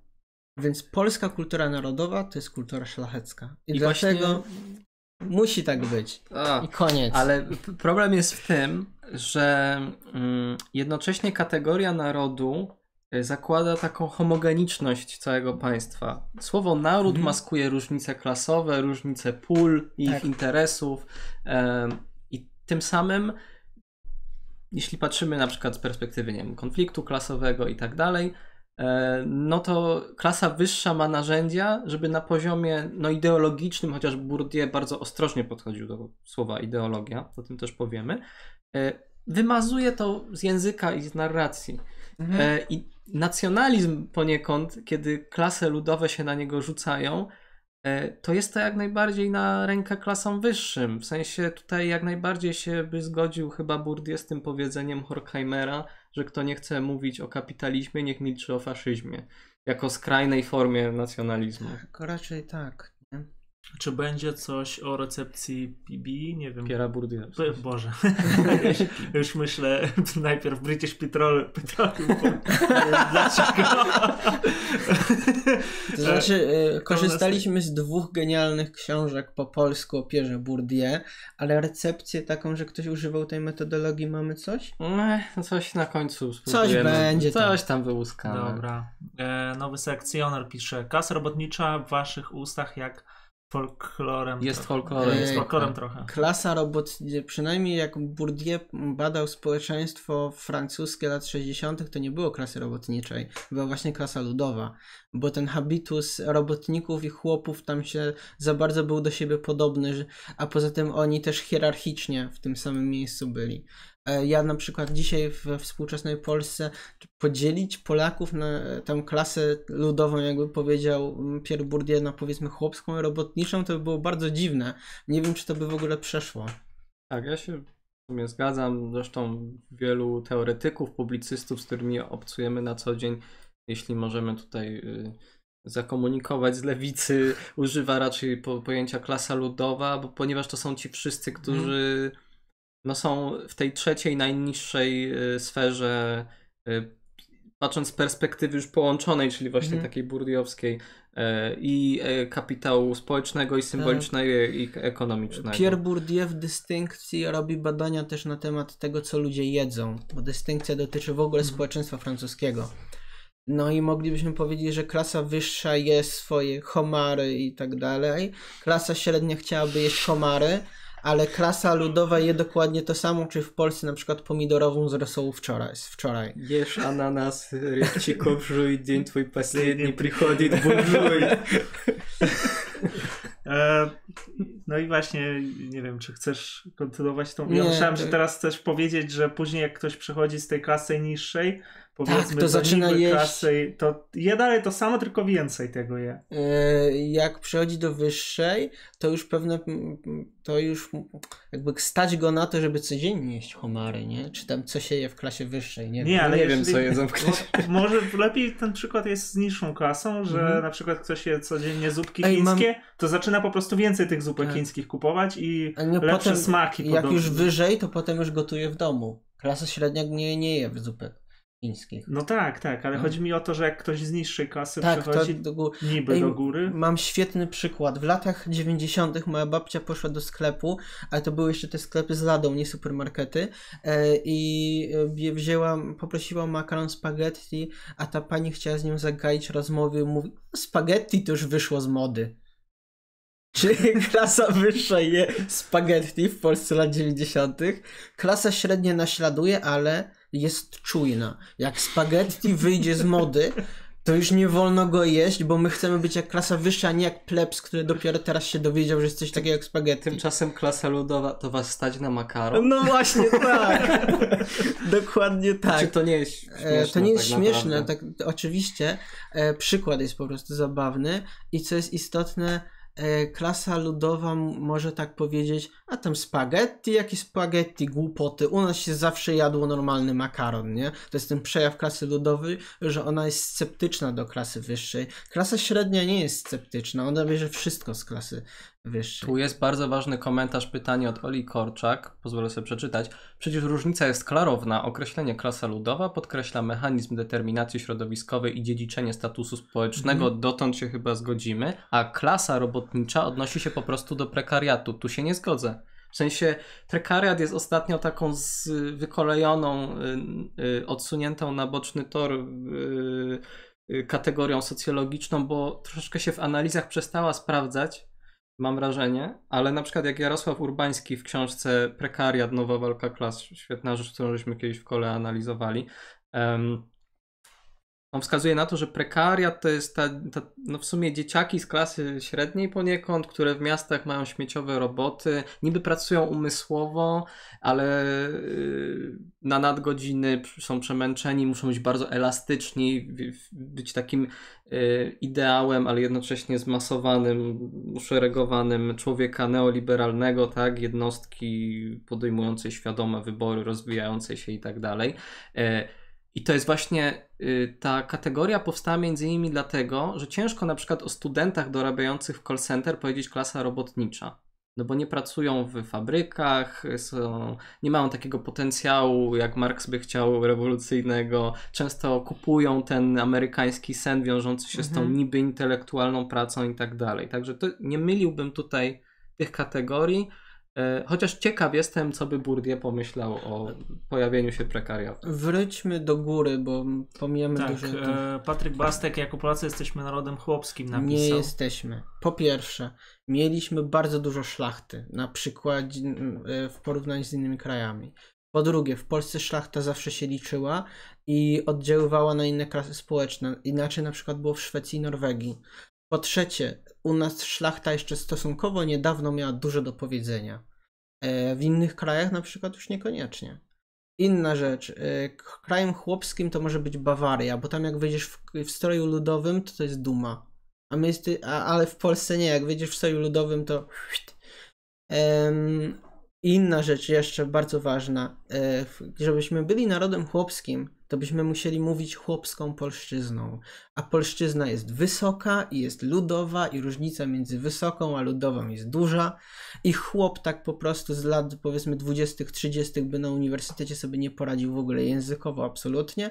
A i dzisiaj przejście z klasy ludowej do wysokiej to jednak się wymaga trochę umiejętności językowych.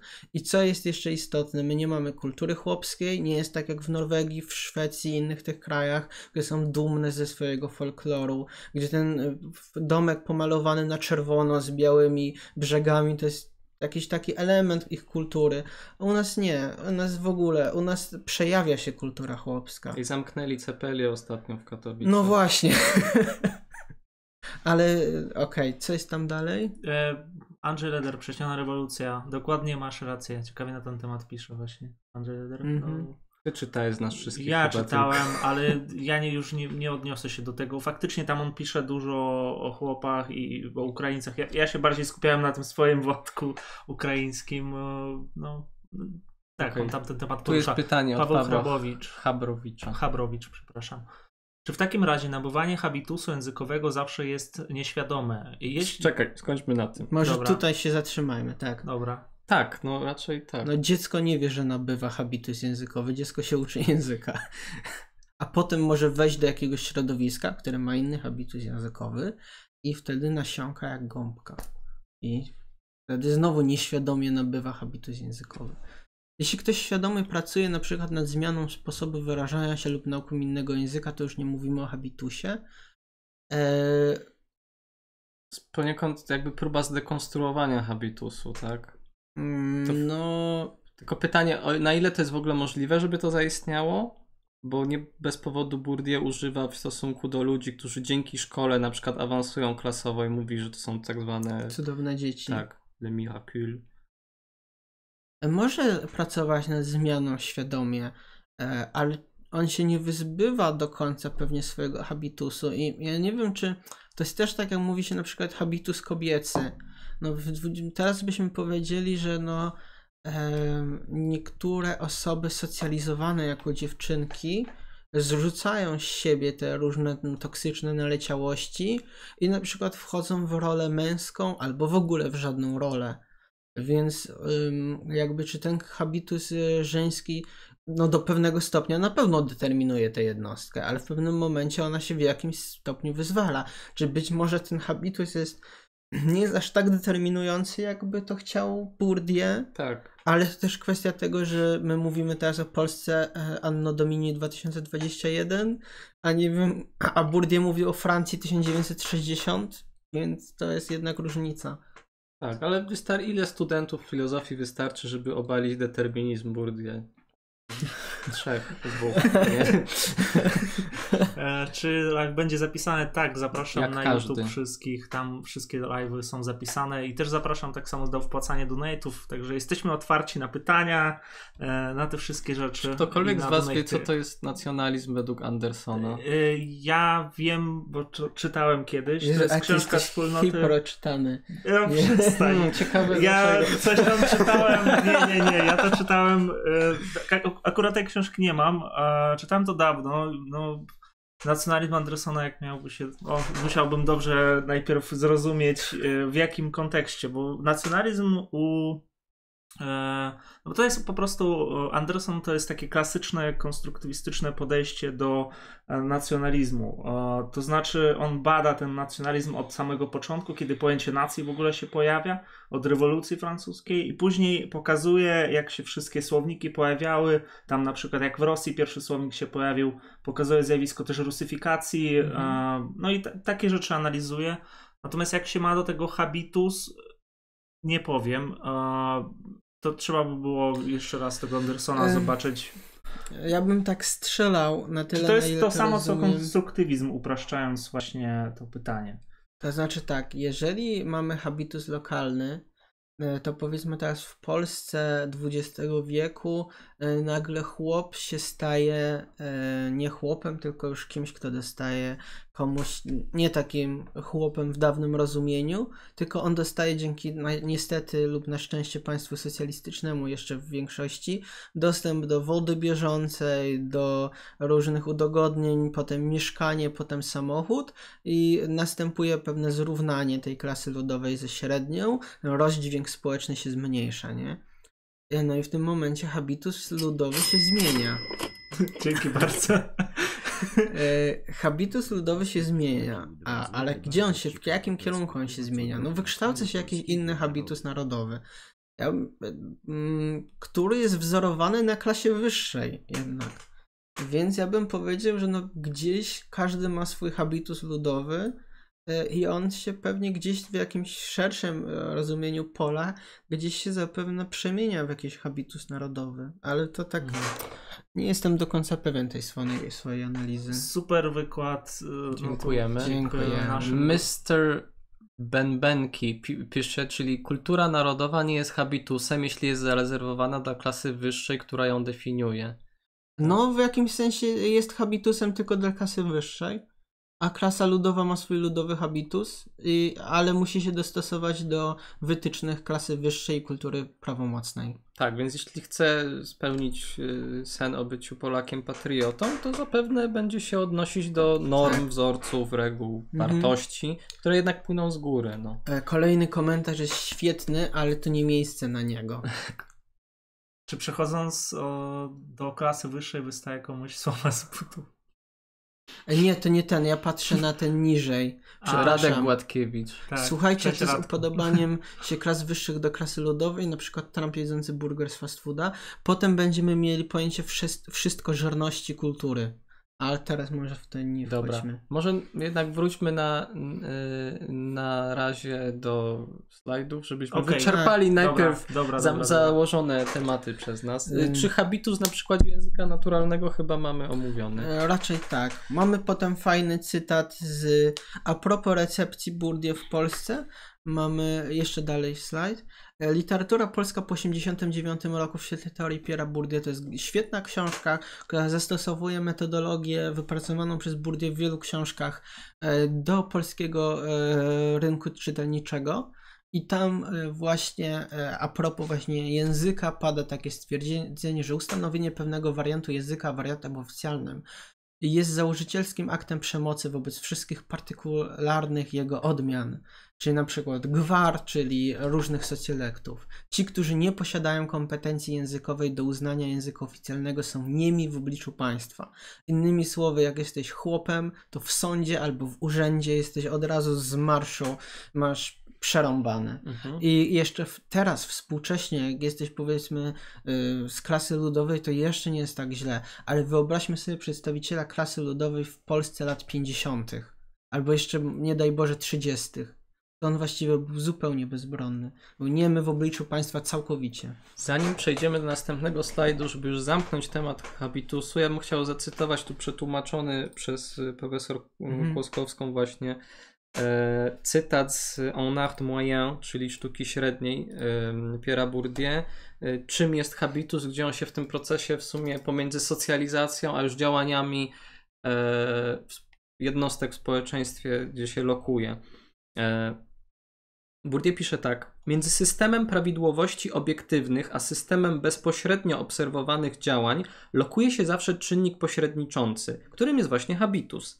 Tak więc habitus klasowy, rozumiany jako system organicznych lub psychicznych dyspozycji i nieświadomych schematów myślowych, postrzeżeń i działań, stanowi właśnie czynnik sprawiający, że osoby działające w poczuciu mocno ugruntowanego złudzenia twórczości, nieprzewidywalnej, oryginalnej i swobodnej improwizacji, mogą jednak produkować myśli, postrzeżenia i akty zachowania zgodne z obiektywną prawidłowością. Dzieje się tak, gdyż sam habitus został zrodzony w warunkach obiektywnie określonych tymi prawidłowościami, a zarazem przez te warunki. To znaczy, że e, poznawcze, e, czy, czy też techniczne, em, czasami emocjonalne i tak dalej, granice em, możliwości naszej ekspresji, działania w społeczeństwie są ograniczone przez pewien zestaw właśnie norm, sposobu myślenia i tak dalej, charakterystyczny dla danej grupy społecznej, klasy. No i to właśnie jest habitus, to jest jakby soczewka, przez którą jest przepuszczony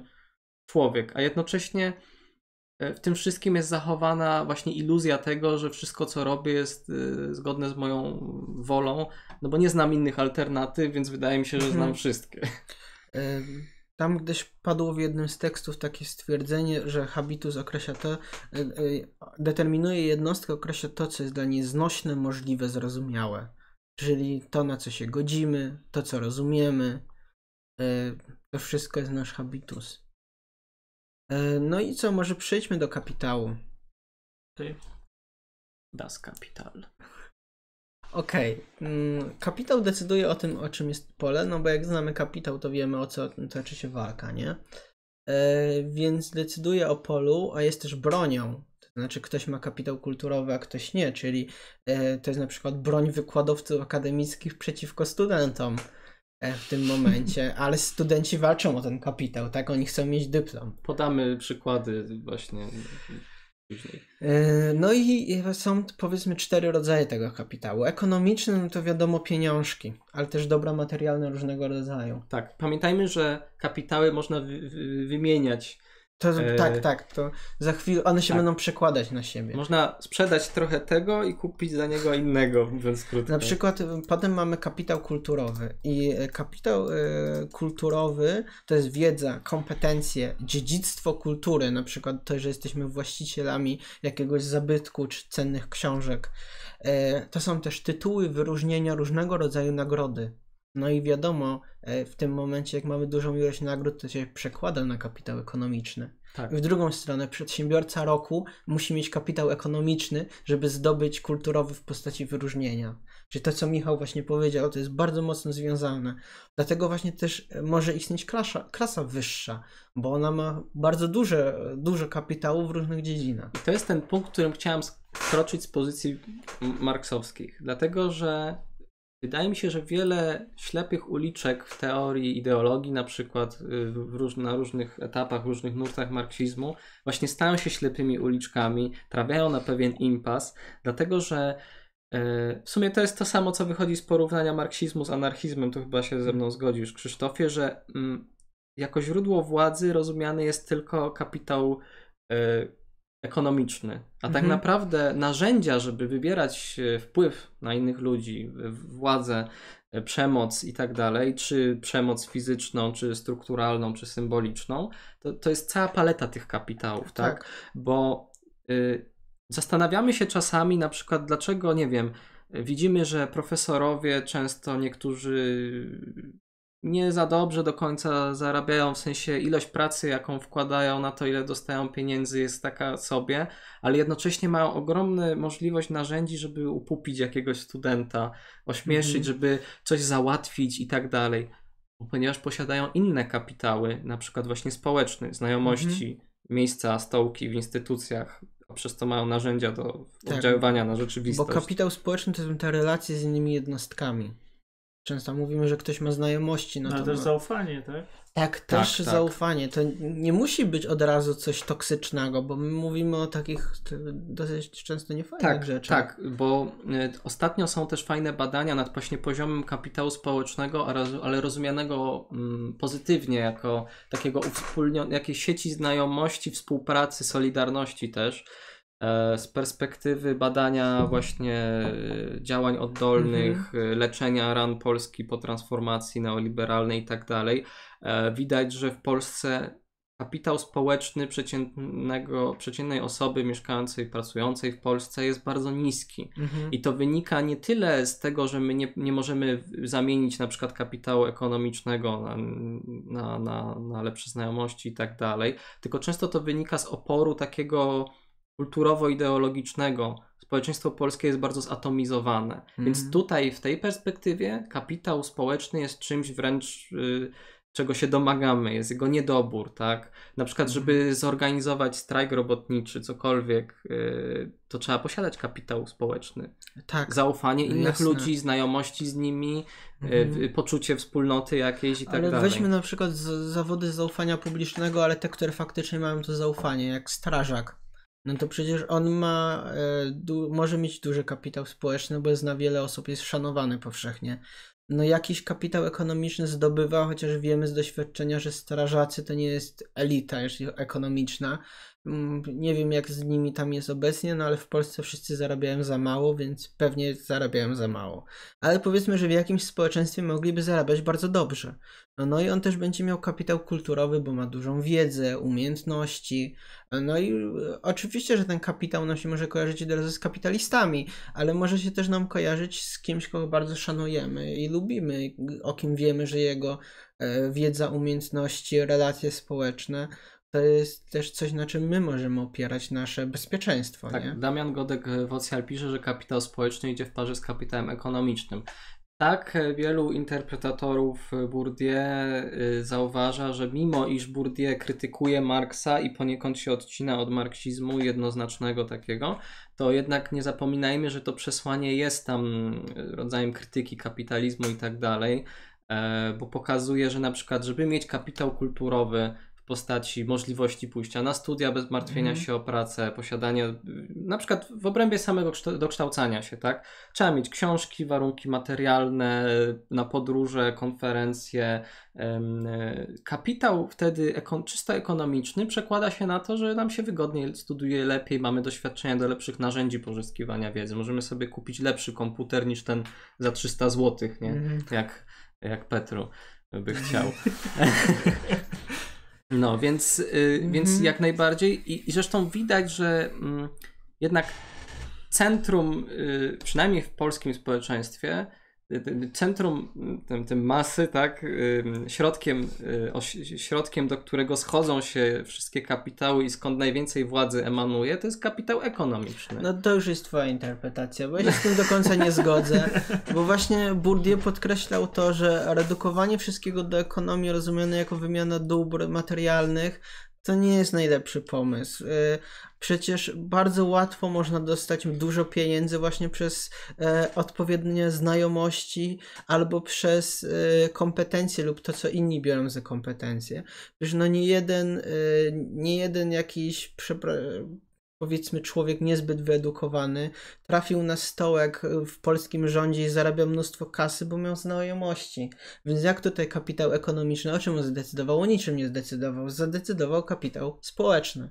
Mhm. Więc y, takie sprowadzanie wszystkiego do ekonomii to jest właśnie moim zdaniem coś, czego Bourdieu by nie chciał i z czym ja się nie za bardzo Ja tu zgodzę. będę dyskutować, bo ja nie uważam, że to jest jakaś metafizyczna zasada, ale chociażby na przykładzie społeczeństwa polskiego jednak uważam, że najwięcej władzy jednak wypływa z kapitału ekonomicznego, bo nie musimy myśleć o scentralizowanej władzy partii rządzącej obecnie i tak dalej, chociaż najwi- Mhm. przecież najwyższe osoby w tej partii są takimi samymi burżujami, przepraszam za wyrażenie, jak Lipki z PO i, i tak dalej. Oczywiście y, tutaj się zgodzę, że wie, wiele z tych kapitałów ekonomicznych narosło z tego, że ci ludzie się znaleźli w odpowiednim miejscu, w odpowiednim czasie, dzięki koneksjom, znajomościom i tak dalej.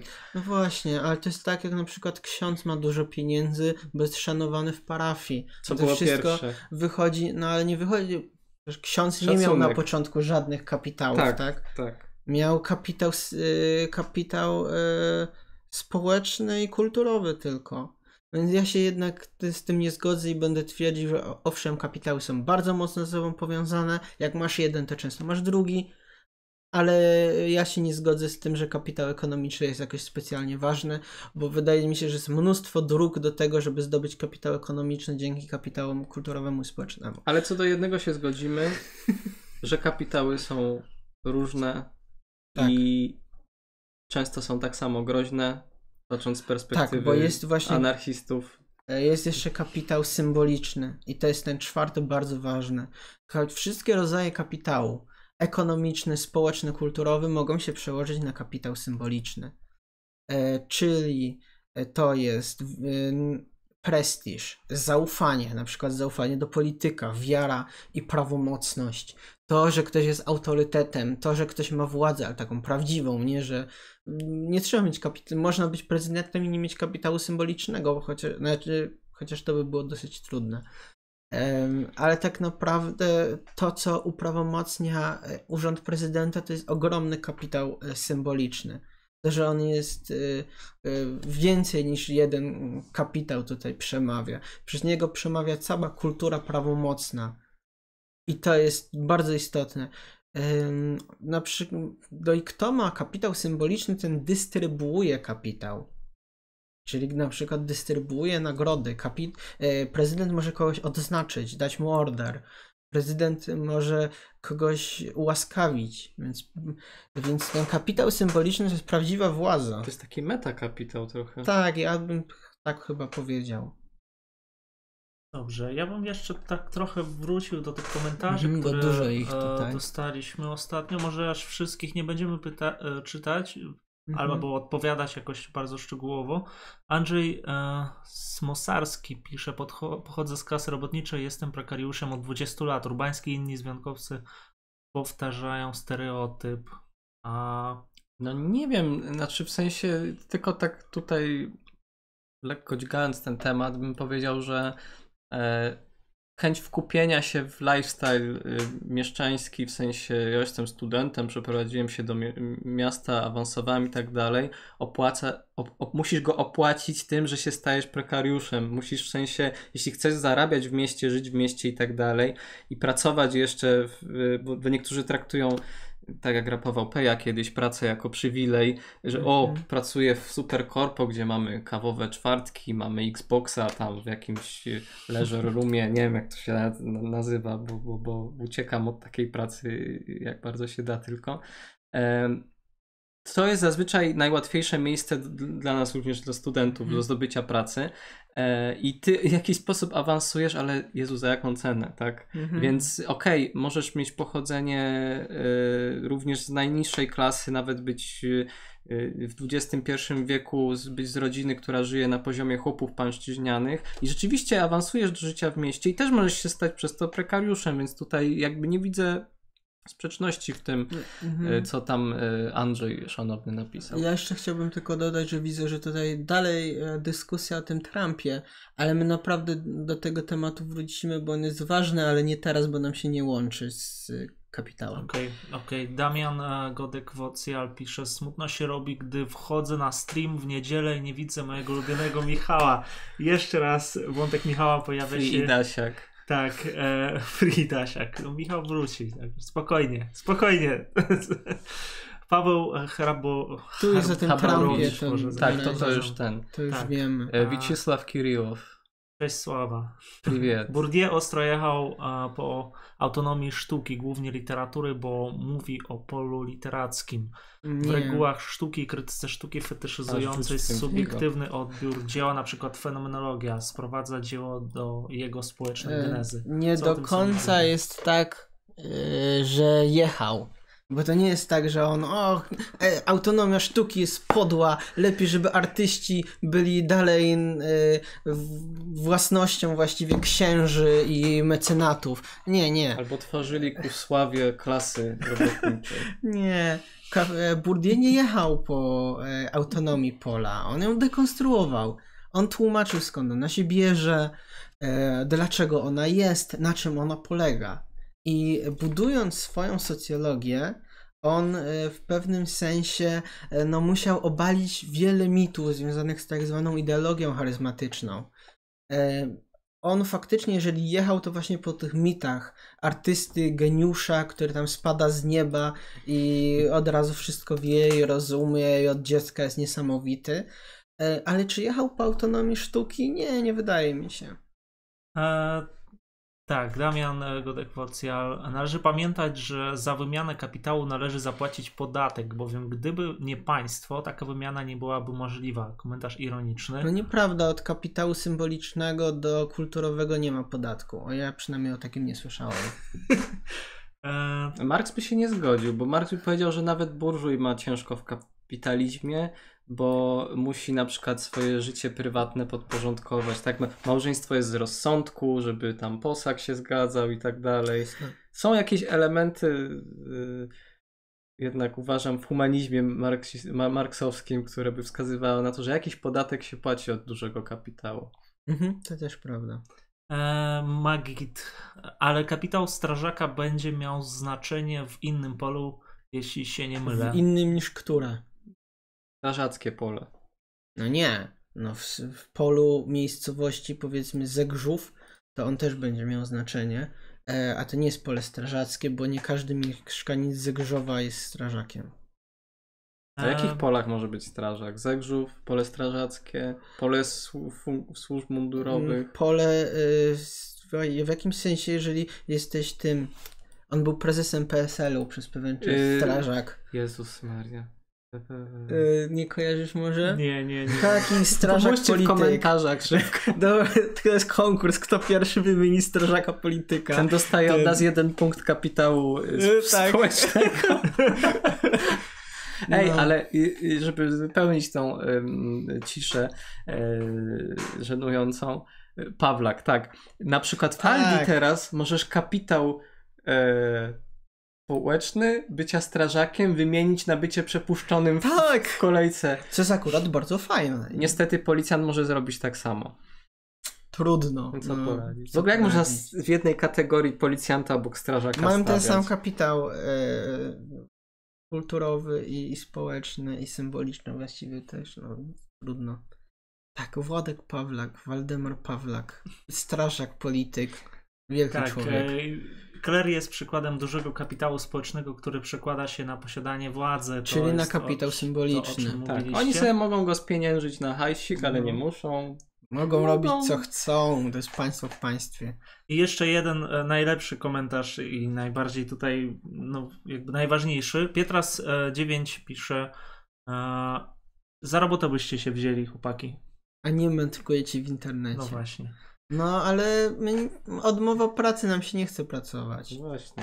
Meżamet Hawajere. Później wytną to i tam na ten Anka Prizona, tam Anka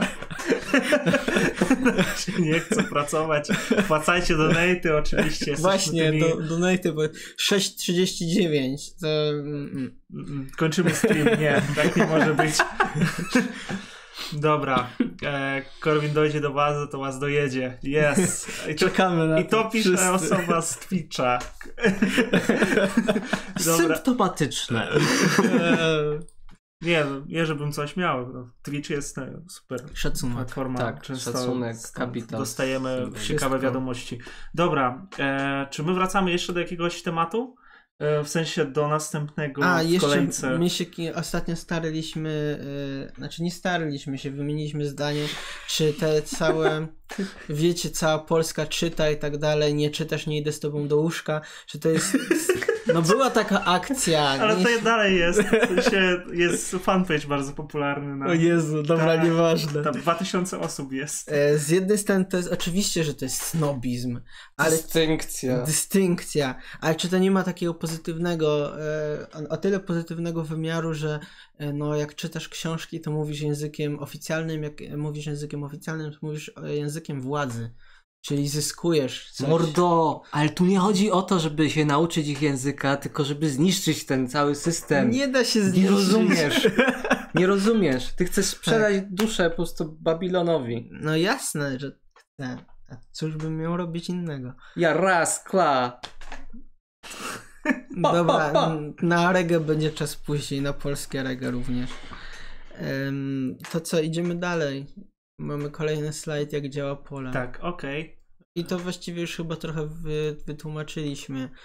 E, mamy. E, Mamy najpierw y, oranie, potem Mhm. sianie, a potem żniwa. no tak, najpierw oramy, bo musimy e, ortodoksję wykurzyć, potem siejemy własny kapitał, bo my stajemy się już nie heterodoksją jesteśmy, a stajemy się ortodoksją.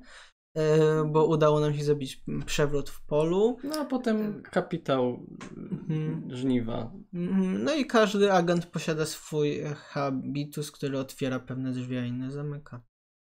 Możemy przejść dalej. Co tam mamy? Wszystko zrozumiałe, jasne, klarowne. Tak. Klasy społeczne. Cytat.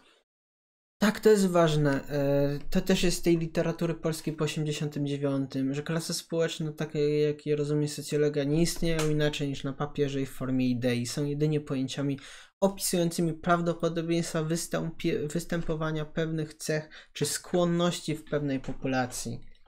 To znaczy, jeżeli takie nosisz buty i takie jesz jedzenie, to pewnie takie słuchasz muzyki. To jest jakaś tendencja, którą my zauważamy, licząc Tak. tabelki. To są krzywe dzwonowe, pewne Tak. jakieś tendencje tak dalej. Y, Ale no, cytując y, studentów z maja 68, już pozostając w tym vibe francuskim, struktury nie chodzą po ulicach. Przynajmniej nie na tym poziomie, bo tutaj Lacan się nie wiadomo nie zgodził. No więc wiecie jak to jest. Orzemy, nie oramy. O, widać dystynkcja, kurde. O, to jest świetny przykład dystynkcji, tak? Klasa średnia. No ale to jest przykład wręcz książkowy. E, Klasa średnia musi postawić na poprawność językową, ponieważ jej status jest zagrożony. Żeby nie spaść do klasy ludowej, ona musi być hiperpoprawna. Więc musi być bardziej poprawna i sztywna niż e, klasa e, wysoka, kto się nie przejmuje tak naprawdę. I dlatego my musimy siebie nawzajem poprawiać cały czas, żeby przypadkiem, e, żeby pilnować tej kultury prawomocnej. No, więc to jest fajny przykład. Dziękujemy za danie nam. Zbigniew Szczęsny, dzięki bardzo za przykład. E, tak. Mr. Bębenki pisze, że jeśli nie istnieją klasy społeczne, to naród tym bardziej nie istnieje. That's the point. No, a kto powiedział, że naród istnieje? To znaczy, nie wiem.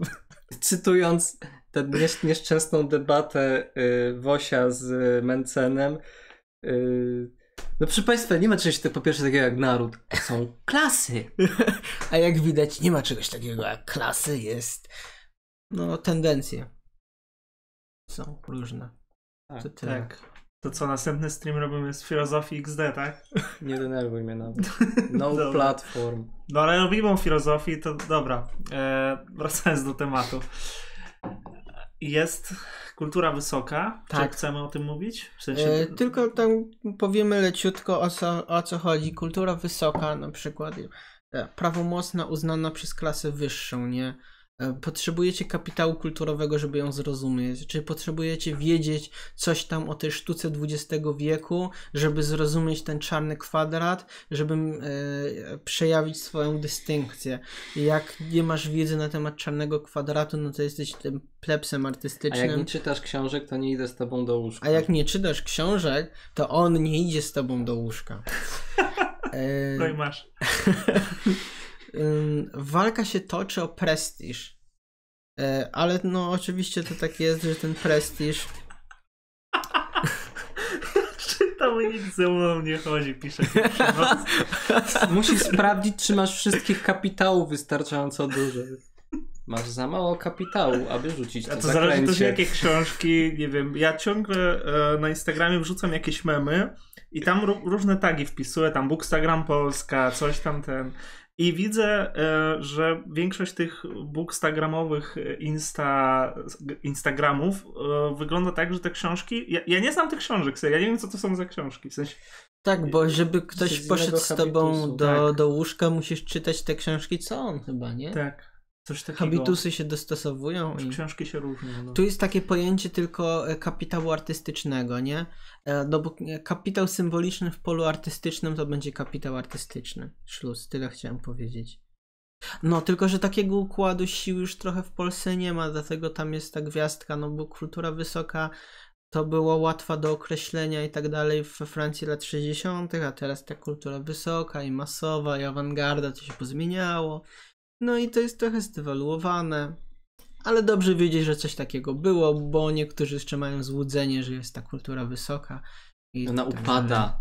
Młodzi Tak. nie chcą czytać. No ale Trzeba właśnie wulgarni. walczyć. W telefonach wrócić też siedzą. do tej kultury, to często do kultury wysokiej, to popada Mhm. w takie grafomaństwo trochę. Tak. W sensie próbując pisać właśnie jak ci, no nie, ja tutaj podam przykład e, z poetów Srebrnego Wieku w Rosji na przykład. Mhm. Wracając do tego, albo wracając do jakiegoś modernizmu, czy tam Masz premodernizmu. może siemka w kręgu filozofów? Tak, tak, tak, tutaj jest. Tu jest. Dobra.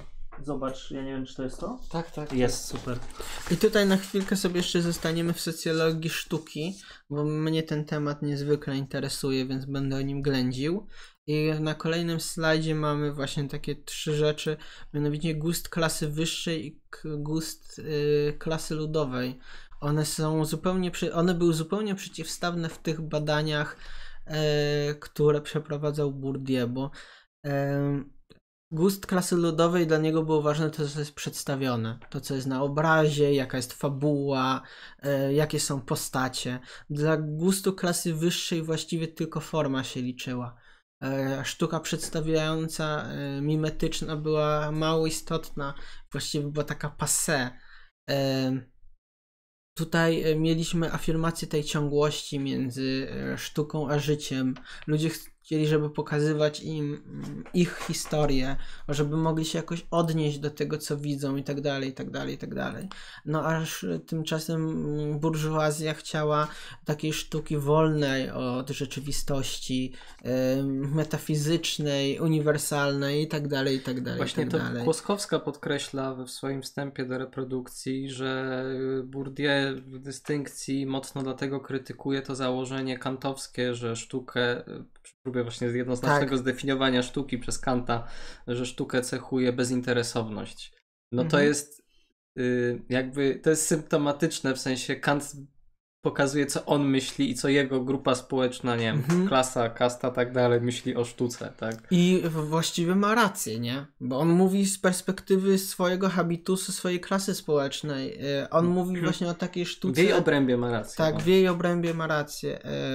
Jako, że on nie, nie myślał, że może być coś innego niż jego środowisko, no to wydawało mu się, że określił sztukę w ogóle, określił jej istotę.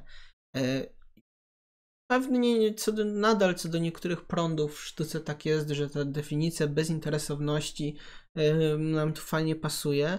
Mamy też e, w dystynkcji takie fajne pojęcie jak zasada wy, wybór z konieczności.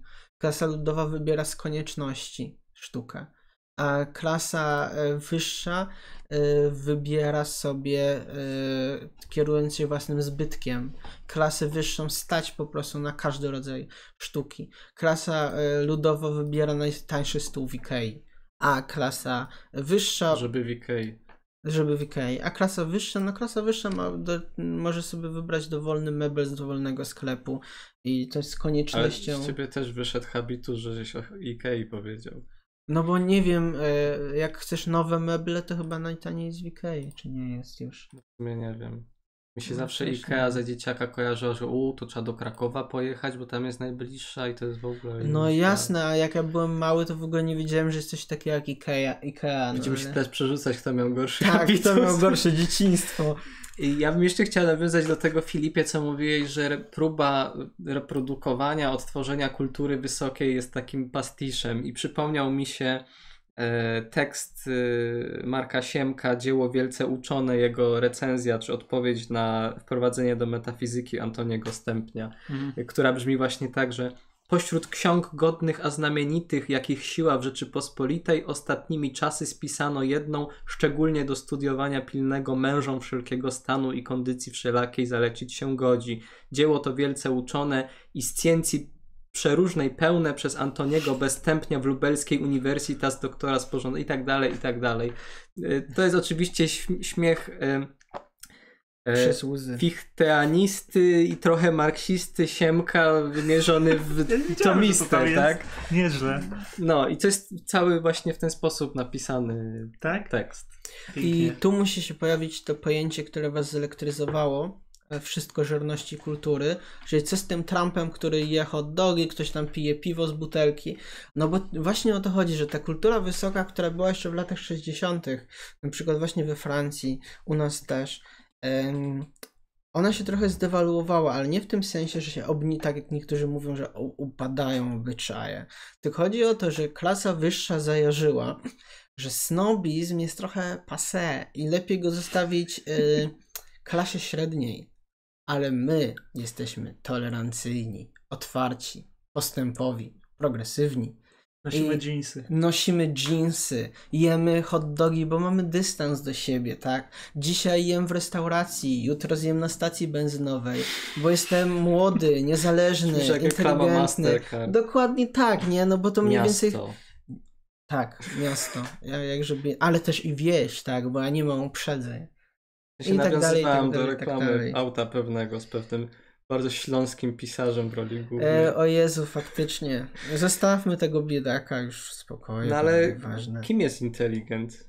Dobra, Rams potem wyleczysz kompleksy po tej nieszczęsnej debacie. Nieważne.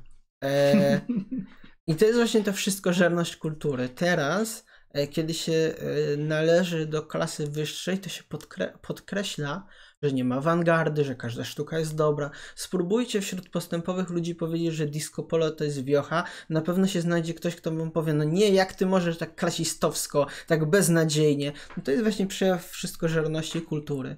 E, Trzeba się, trzeba jakby pokazać swoją tolerancję, otwartość, to, że się słucha różnych rzeczy. Dalej można słuchać e, Schuberta i Rachmaninowa, spoko, ale też trzeba e, jakby wiedzieć, że oni nie są wcale gorsi od Zenka Martyniuka, bo każdy ma swój Czekaj, gust. czekaj, Krzysztofie, chcesz mi powiedzieć, że to jest lekkie zaoranie takiej lewicy wielkomiejskiej, liberalnej? No jasne, że jest, ponieważ e, e, jak żeby Mamy inaczej. to na taśmie. E, To jest tak jak ci wspaniali e, lewicowcy, którzy bronią klasy ludowej z perspektywy swoich wygodnych foteli na uniwersytecie. Do nikogo nie pije w ogóle. E, No i oni nam tłumaczą, oczywiście nie wolno mówić ludzi- ludziom, jak mają protestować, tak? Ale mm, Mogliby być trochę mniej wulgarni. mogliby być mniej wulgarni, tak? Ale, ale tak poza tym, Biedni policjanci. te sprawy. Tak. Magit napisał, że mieszka w jeziorze i na śniadanie je kamienie. Wygrałeś w konkursie na najgorszy habitus. Tak. E, mam No, pytanie. Habitus, E, humus, habermas. Do, do ciebie Krzysztofie się zwracają, to jest Krzysztof jeszcze raz przypominam. Znaczy ja nie napisałem nazwisk, e, w sensie imion, ale trudno. Kolega poszedł ze... No, co musi czytać, żebyś... Yy, żebym poszedł z nim. Ja jestem osobą aseksualną, więc czegokolwiek byś nie czytał, to nie pójdę z tobą do łóżka. Przykro mi. Dobra. E, Czy coś. Mogę jeszcze rozwie... rozwiać jakieś wątpliwości, ale no chyba to już nie ma nic do powiedzenia. Ale on nie jest osobą aseksualną. Może odpowiesz na to pytanie. Dobra, nie musimy W tym tutaj... momencie Dobra. jestem w ogóle aontyczny nawet, więc... Co to znaczy? Czy się nie jestem. Okej, e, dobra. Wracamy do tematu. Dystynkcja. Dystynkcja. Jest następny slajd, czy To jest właśnie dystynkcja. Yeah. Tak, niektórzy mają dystynkcję. I wtedy tworzy się re, e, re, pewna taka. em, em, s- tworzy się taka sytuacja, w której ktoś jest niżej w hierarchii, a ktoś jest wyżej. E, Obecnie dystyngowany jest właśnie ktoś, kto e, w dziedzinie sztuki, kto będzie podkreślał raczej pluralizm, bo nie jest ześciankowy, ale dystynkcją, właściwie każde szpanowanie jest jakimś byciem dystyngowanym, rodzajem dystynkcji. Ja bym może tutaj jednak ze swojej strony, jak, tak jak lubię zawsze, etymologicznie trochę rozjaśnił, ponieważ w oryginale bar, Weź, Bourdieu i Badiou jednocześnie wyszło Bardieu. Przepraszam, te wszyscy Baudrillard Baudrillard. i, i jeszcze na by wielu. Tak, Bourdoye. Mhm. Bourdoyard. Dobra. Bourdoye. Bachardiard. dobra. E, bla, bla. Dobra. I Debord. Mm. Bourdieu w oryginale używa francuskiego słowa distinction, które y, ma pewne, pewną dwuznaczność w sobie zawiera. Y, Oznacza, no w sumie słowo dystynkcja polskie też czasami tę dwuznaczność zawiera. Oznacza odróżnienie, czyli na przykład, nie wiem, jak podkreślacie coś y, mazakiem w zeszycie żółtym, to, to wyróżniacie właśnie, dystyngujecie, y, oddzielacie jedno od drugiego.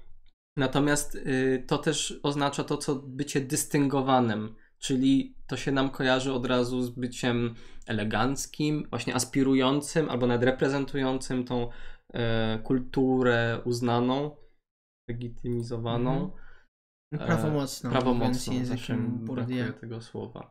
E, I ta dwuzn- tą dwuznaczność warto tutaj zachować, bo ona pozytywnie wskazuje na pewne cechy, źródło, do którego się odnosimy, jakiś wzorzec, do którego się przysywamy i chcemy y, go reprezentować, jakiś kapitał, jakieś uprzywilejowanie i tak dalej, ale jednocześnie negatywne per negatio przez odróżnienie e, ta dystynkcja działa. Czyli właśnie jest taką fosą budowaną wokół pewnej grupy, czy osoby, czy Mhm. postawy.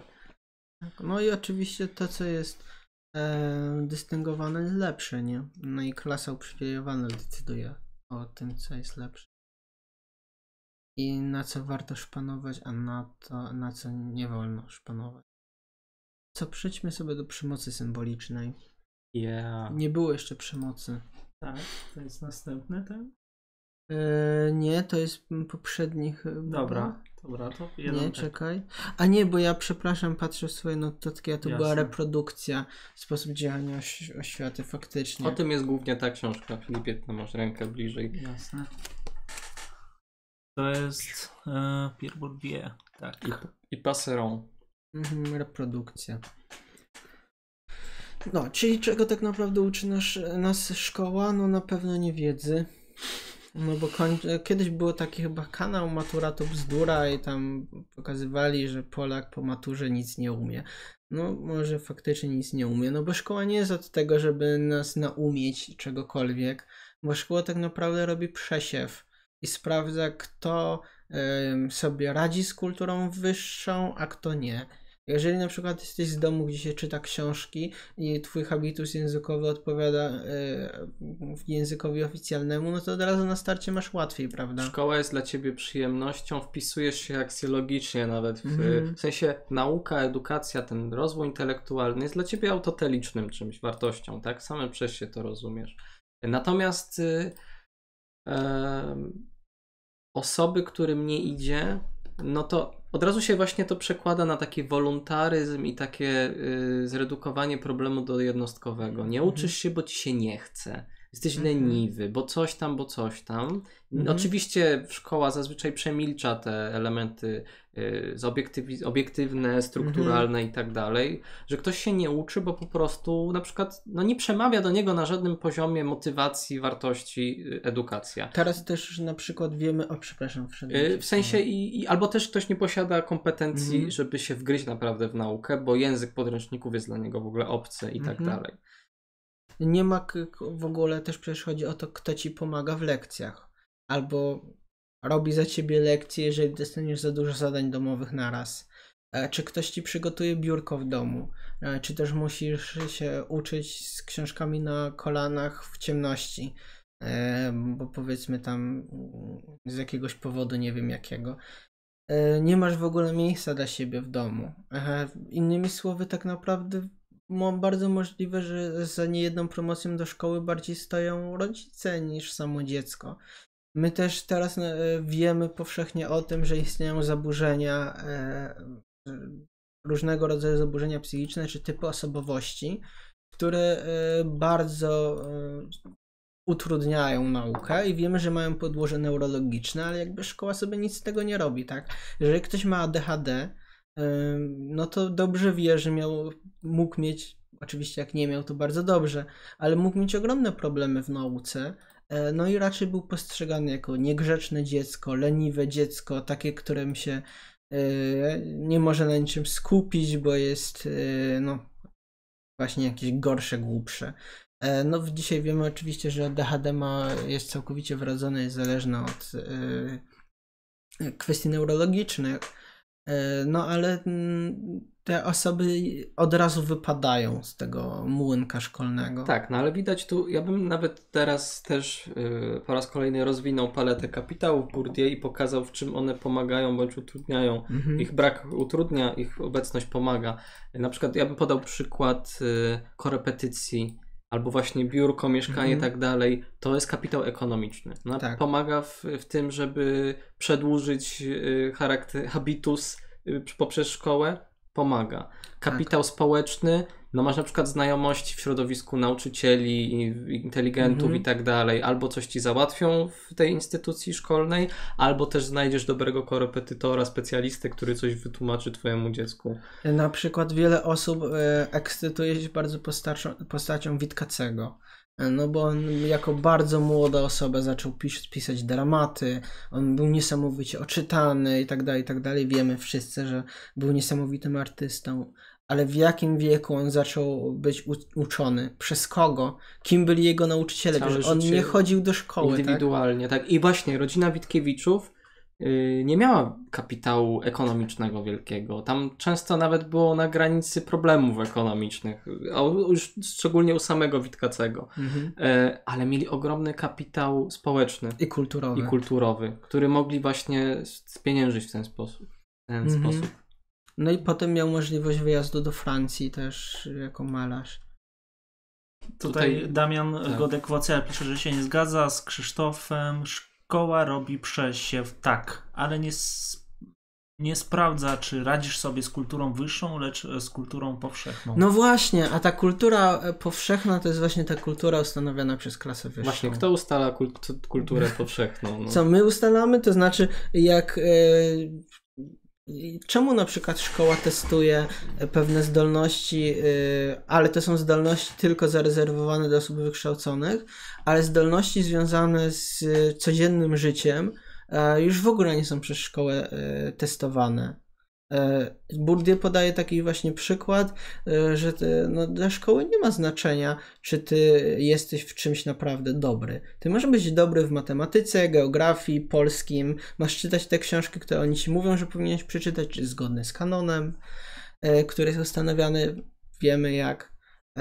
No i oczywiście to, czy ty umiesz e, zrobić karmnik na zajęciach technicznych, e, jeżeli takie w ogóle miałeś, bo ja nie, ja nie. To wyraża też specyficzny stosunek do natury. Dokładnie. E, No ale ja w ogóle nie miałem zajęć technicznych. Ode mnie na przykład w szkole, nie wiem jak od was, nie wymagali ani gotowania, ani prasowania, ani niczego praktycznego. E, No i wiedza e, klasy ludowej jest nieistotna przecież w szkole.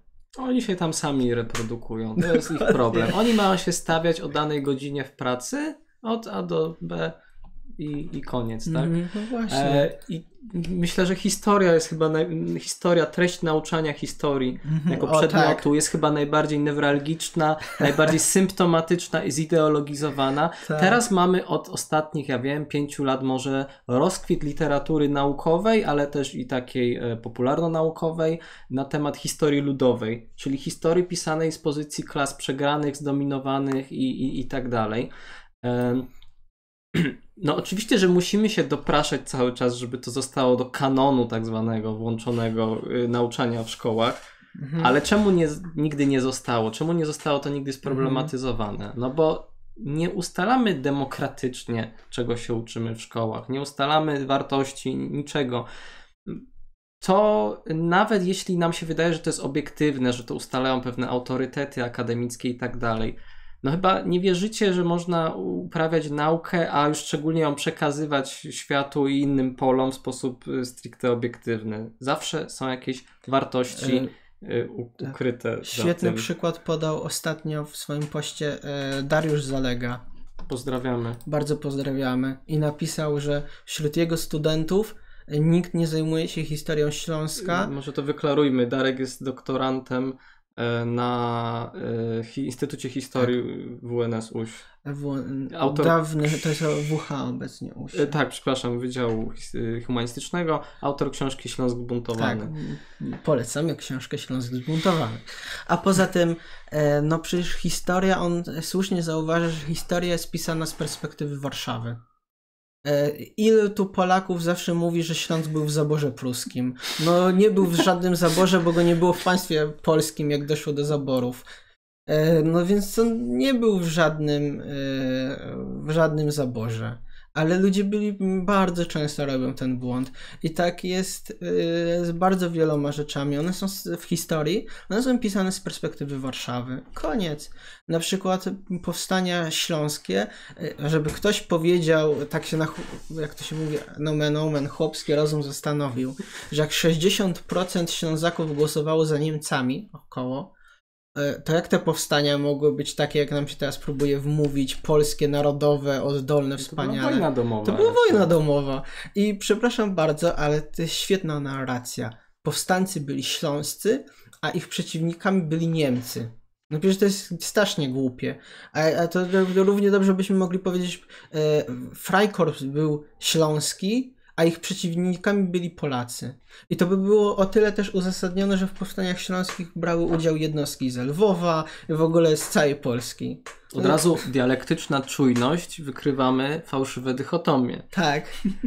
To nie byli powstańcy śląscy, to byli Polacy i Ślązacy, którzy się czuli Polakami, y, którzy stanowili raczej mniejszość i e, jeżeli chodzi o tych, którzy chcieli naprawdę walczyć z bronią w ręku, stanowili mniejszość i y, walczyli na Śląsku o Śląsk z Niemcami, niektóry, niektórzy przyjezdni, inni miejscowi.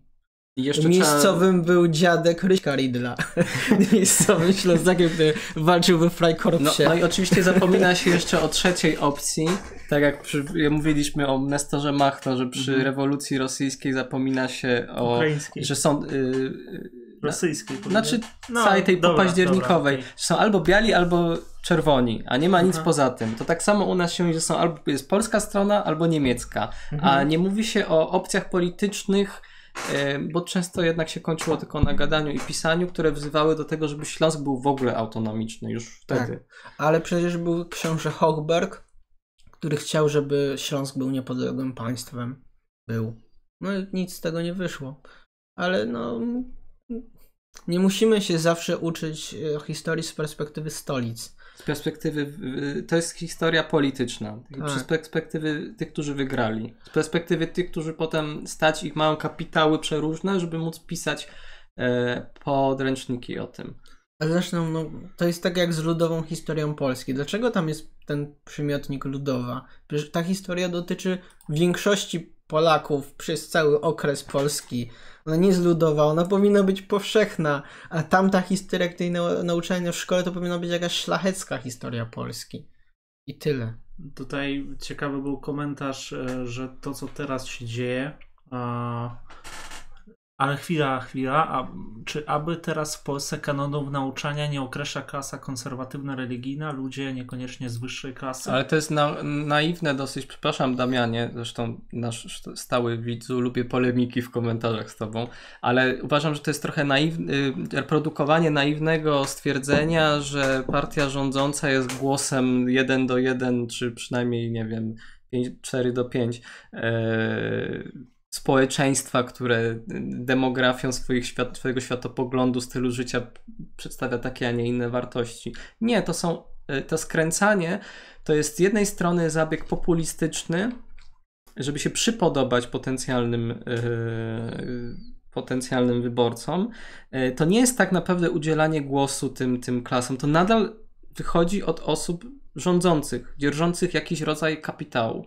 Yy, a no, że akurat trafiło na najsprytniejsi okazali się ci, którzy przy okazji mają poglądy konserwatywne i tak dalej, no to akurat takie menu będziemy mieli ideologiczne w, w instytucjach różnych. Chłopaki proponuję przejść do przemocy symbolicznej, Mhm. a naszym Ona widzom proponuję płacić milion złotych. e, Tak, tak. to, jest, to są te pieniądze, których teraz potrzebujemy. No. Tak.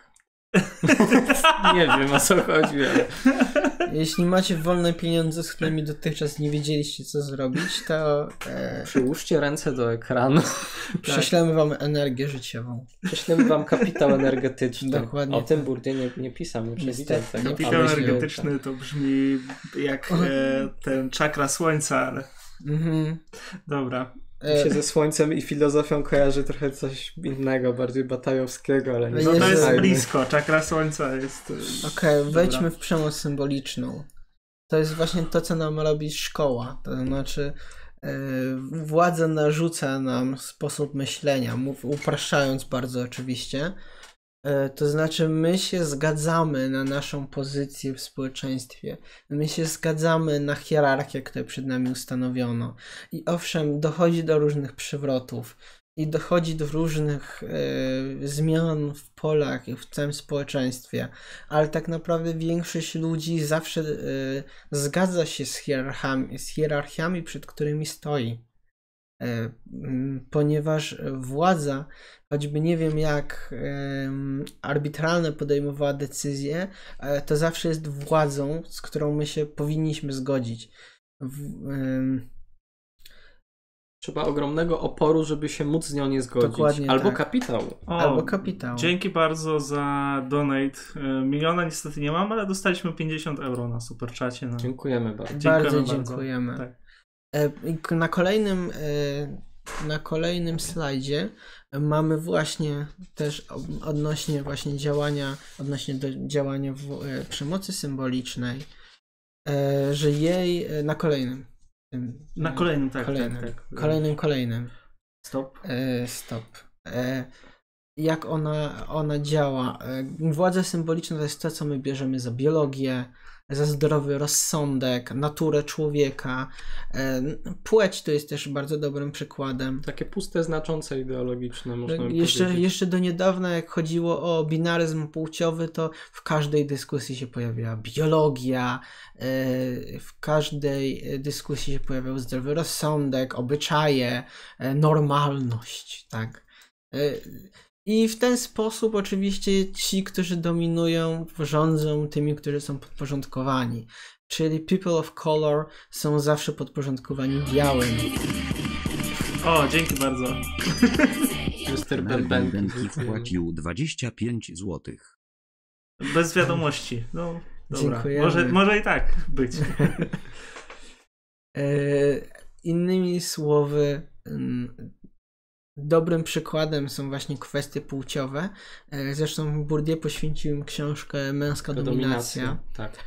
E, W ogóle trzeba też zwrócić uwagę, że nie, nie wiem na ile ona tam, bo nie, nie zajrzałem do niej. Wyszła po polsku przede wszystkim, Ale właśnie, wyszła po polsku. Chodzi ogólnie rzecz biorąc o to, że osoba niemęska jest Osoba niemęska jest podporządkowana osobie męskiej.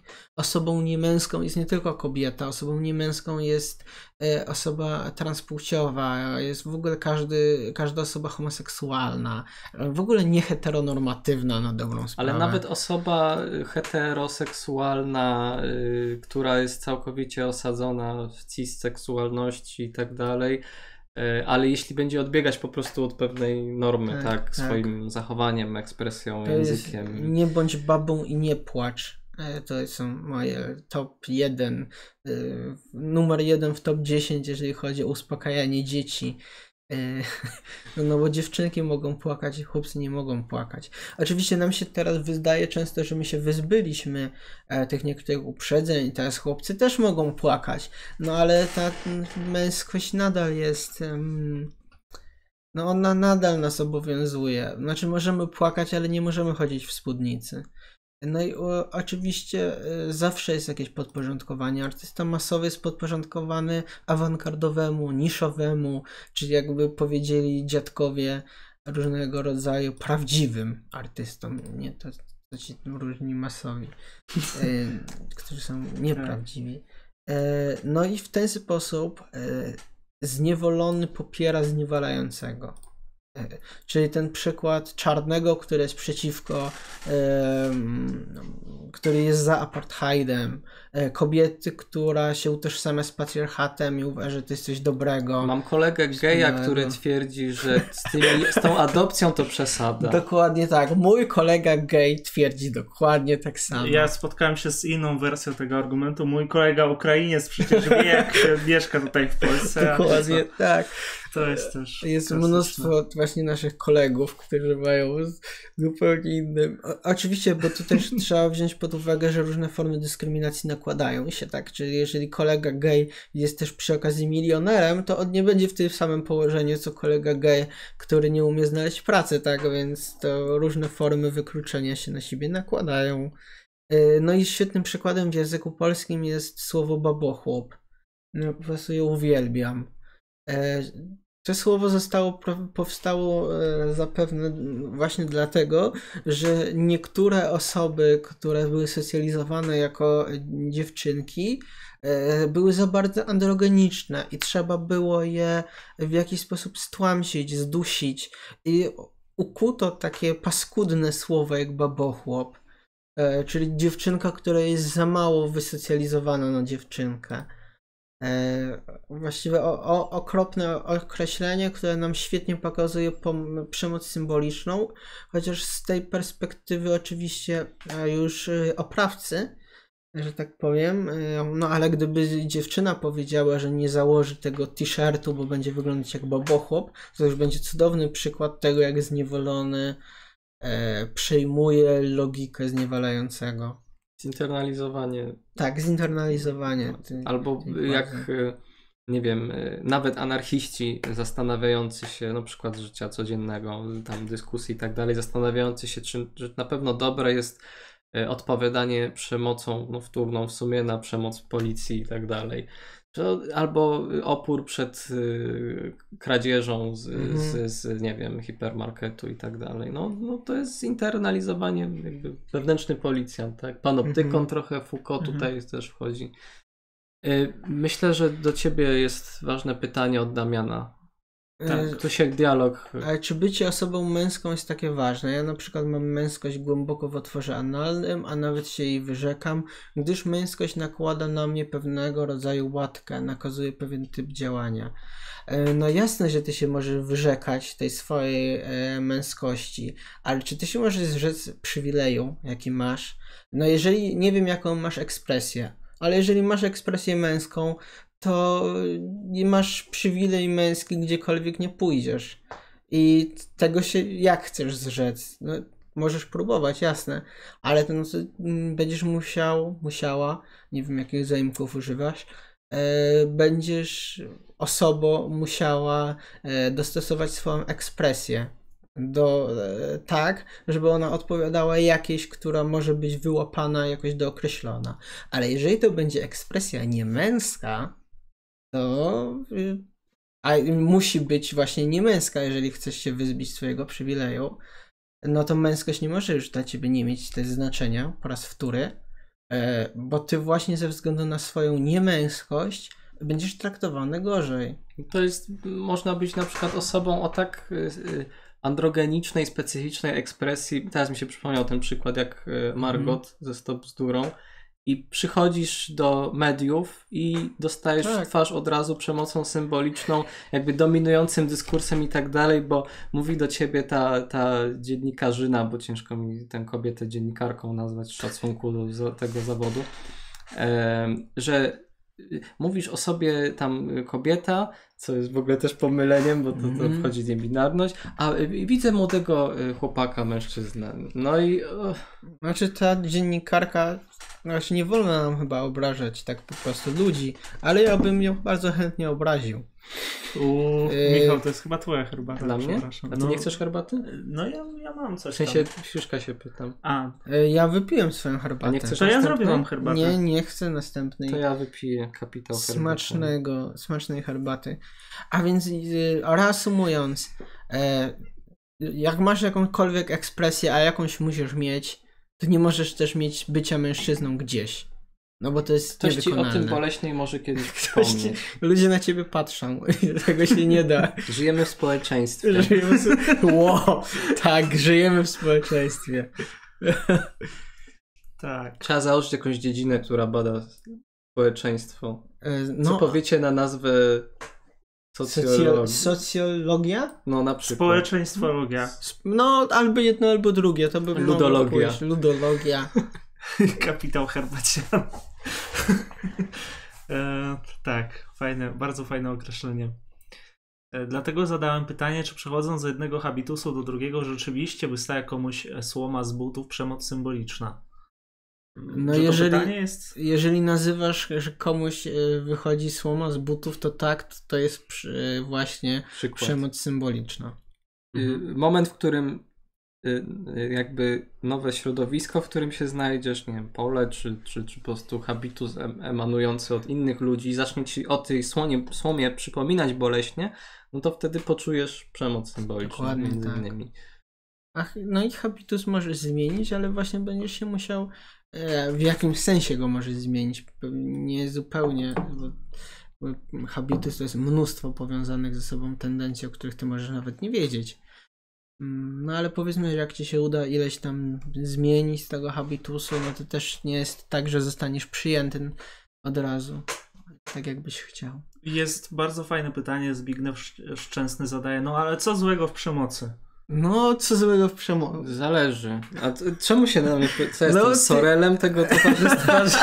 że- No, ty się bardziej jako człowiek zajmujący się filozofią, anarchizmem, komunikowaniem, to tak stwierdziłem, że może z przemocą to do ciebie, ale no, no nie wiem. No i mamy do cię. ciebie. Znaczy, oczywiście chodzi o tą przemoc symboliczną i co jest z niej złego. Znaczy, ona jest wartościująca, Ja bym... bo to To- jest, cały czas jesteśmy jakby w socjologii i na ile możemy mówić, że jest coś w niej złego, coś dobrego, Znaczy, ja tej... to jest pewien y, mechanizm. No. tej dystynkcji, ale w tym technicznym znaczeniu tego słowa, naiwnej użyję na, na podział na, na, na jakby postulaty, tezy normatywne i opisowe. Mhm. To jest u Bourdieu, jak większość nawet rzeczy o, opisowe, y, że przemoc, i tutaj też polecę za tymi definicjami, które wymieniałem chociażby na y, streamie o anarchizmie, to jest ym, zdolność do ograniczenia czyjegoś wyboru. Zdolność do ograniczenia. Krzywo się wyświetliło. Z, dzięki. OCD. Zdolność do y, ograniczenia czegoś, czyjegoś wyboru, czyjejś możliwości ekspresji i tak dalej, i tak dalej. Przemoc jest mm, jakby władzą w, w, w działaniu. E, No i jeśli teraz uznajemy wolność za ważną wartość, czy tam samostanowienie, podmiotowość, autonomiczność, jak zwał, tak zwał, no to przemoc jest zła. Domyślam się, że skoro uprawiamy filozofię, to przyjmujemy chociaż tę wartość za oczywistą, bo jest jednym z warunków możliwości uprawiania filozofii. Jeśli nie zgadzamy się co do takich, przechodzimy teraz na poziom normatywny i poziom y, aksjologiczny. Wartości, tu chyba się zgodzimy, że się wybiera, Mhm. znowu to powtórzę, nie są objawione z kosmosu. Y, I jeśli się nie zgadzamy co do tych wartości, no to w ogóle ciężko, żeby tutaj porozumienie zaszło, chyba że ktoś kogoś przekona, tak? Mhm. Y, Ja tak samo jak się nie dam przekonać, że można być anarchistą i kapitalistą, bo, anarchizm, bo kapitalizm jest rodzajem władzy, która generuje przemoc, y, a nawet najbardziej aspołeczny, indywidualistyczny, egoistyczny, y, postleftowy, posthumanistyczny, jaki jeszcze chcecie, taki nacechowany negatywnością anarchizm, wyklucza to, żeby coś mogło zniewolić jednostkę, więc y, to odpada. I tak samo też się można sprzeciwiać na tej samej podstawie y, wszelkiej przemocy symbolicznej. Aczkolwiek ja należę też do tych osób troszeczkę utemperowanych swoim progresywizmie, przez psychoanalizę chociażby i wiem, że zawsze będą jakieś nierówności na poziomie komunikacyjnym, zawsze będzie jakaś doza alienacji, zawsze dziecko będzie, żeby mogło się bezpiecznie socjalizować i zacząć samemu podejmować wybory, musi być troszeczkę trzymane na smyczy w cudzysłowie przez rodziców, inaczej to się może źle skończyć, więc y, jakaś przemoc symboliczna tam nawet w takich systemach wartości jak moich jest dopuszczona, ale wiecie, to już jest kwestia wyborów. My tu przedstawiamy opis w miarę odtłuszczony od wartości, w miarę zobiektywizowany. Mhm. To jest propozycja poza tym kategorii, tak? To nie jest, że przy, tak jak wiecie, że po ulicach chodzą ludzie y, w pudełkach, proletariusz, y, burżuj, czy tam właśnie ja teraz, uwaga, dokonam aktu przemocy symbolicznej. No, teoria nie, nie żyje w rzeczywistości w ten sposób. To jest nasza próba konceptualizacji. Tak. I jak jeszcze do tego dodamy to, że musimy się określić co do wartości, żeby móc to ocenić,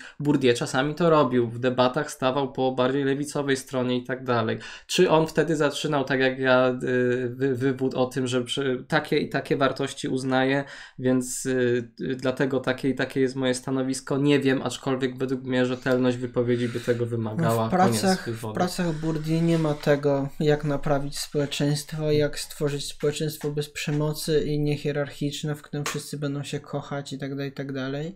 Tego tam nie znajdziecie, ale to jest metodologia do opisu rzeczywistości, która się sprawdza. Y, Mr. Bębenki powiedział, że wartości nie wybiera się, są one zdeterminowane habitusem. Tak, w sensie, ale nie chodzi, Mhm. chodziło mi raczej o to, że nie ma obiektywnych wartości, tak, że istnieje gdzieś wzór na najlepszą wartość i nią jest na przykład dobro, piękno i prawda. Y, Chociaż są pewne wartości, które na przykład lepiej niż gorzej działają. Piękny stream, Zuzia Daniec. Dziękujemy, Dziękujemy bardzo.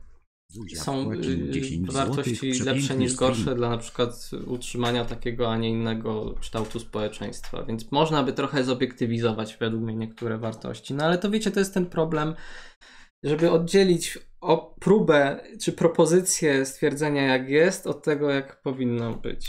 Tak, em, socjologia Bourdieu jest bardziej deskryptywna jednak. E, Socjologia chyba musi No, ale w być ogóle cała socjologia musi być, tak. żeby była nauką.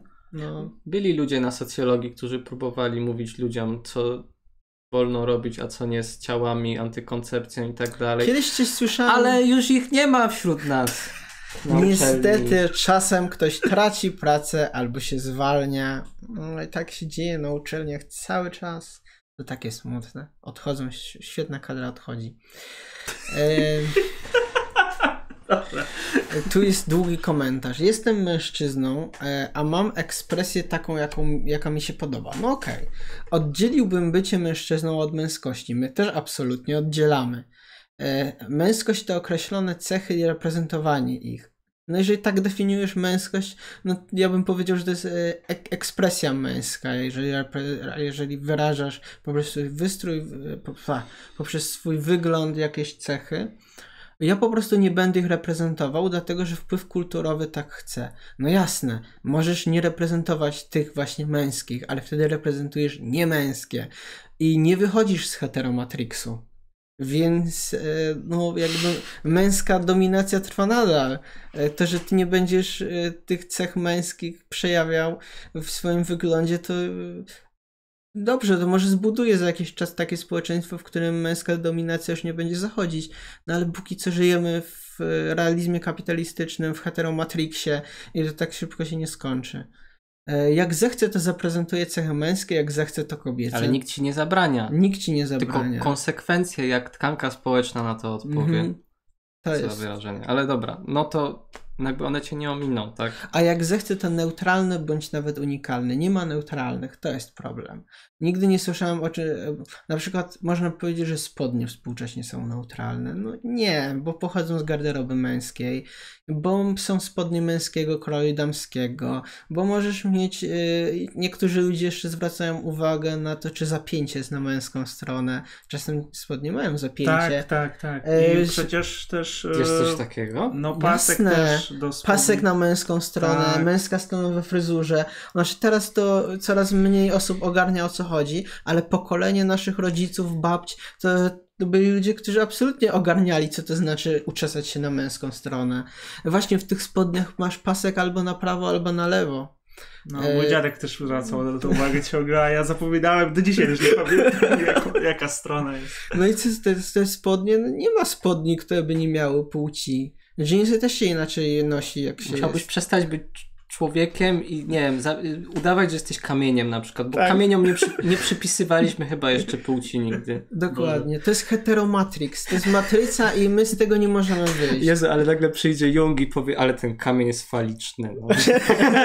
I szlak trafi wszystko. Y, Nie możesz być falicznym kamieniem. To jest prawda. Musisz być takim jakimś. Pytanie o szkocką spódnicę od Damiana. E, No ona jest kulturowo powiązana z byciem mężczyzną. Mhm. Więc no nie jest neutralne. Dobra, były jeszcze komentarze. E, mamy, jeszcze, mamy jeszcze tam jakieś rzeczy. E, chcecie herbaty? Bo widzę, że wam się pokończyło Nie jest okej. Tak? No u mnie też właściwie. Bo, tak? Ja jeszcze dobra, tam jak chcesz, jak mam pół Ej, kubeczka. masz. No wiem.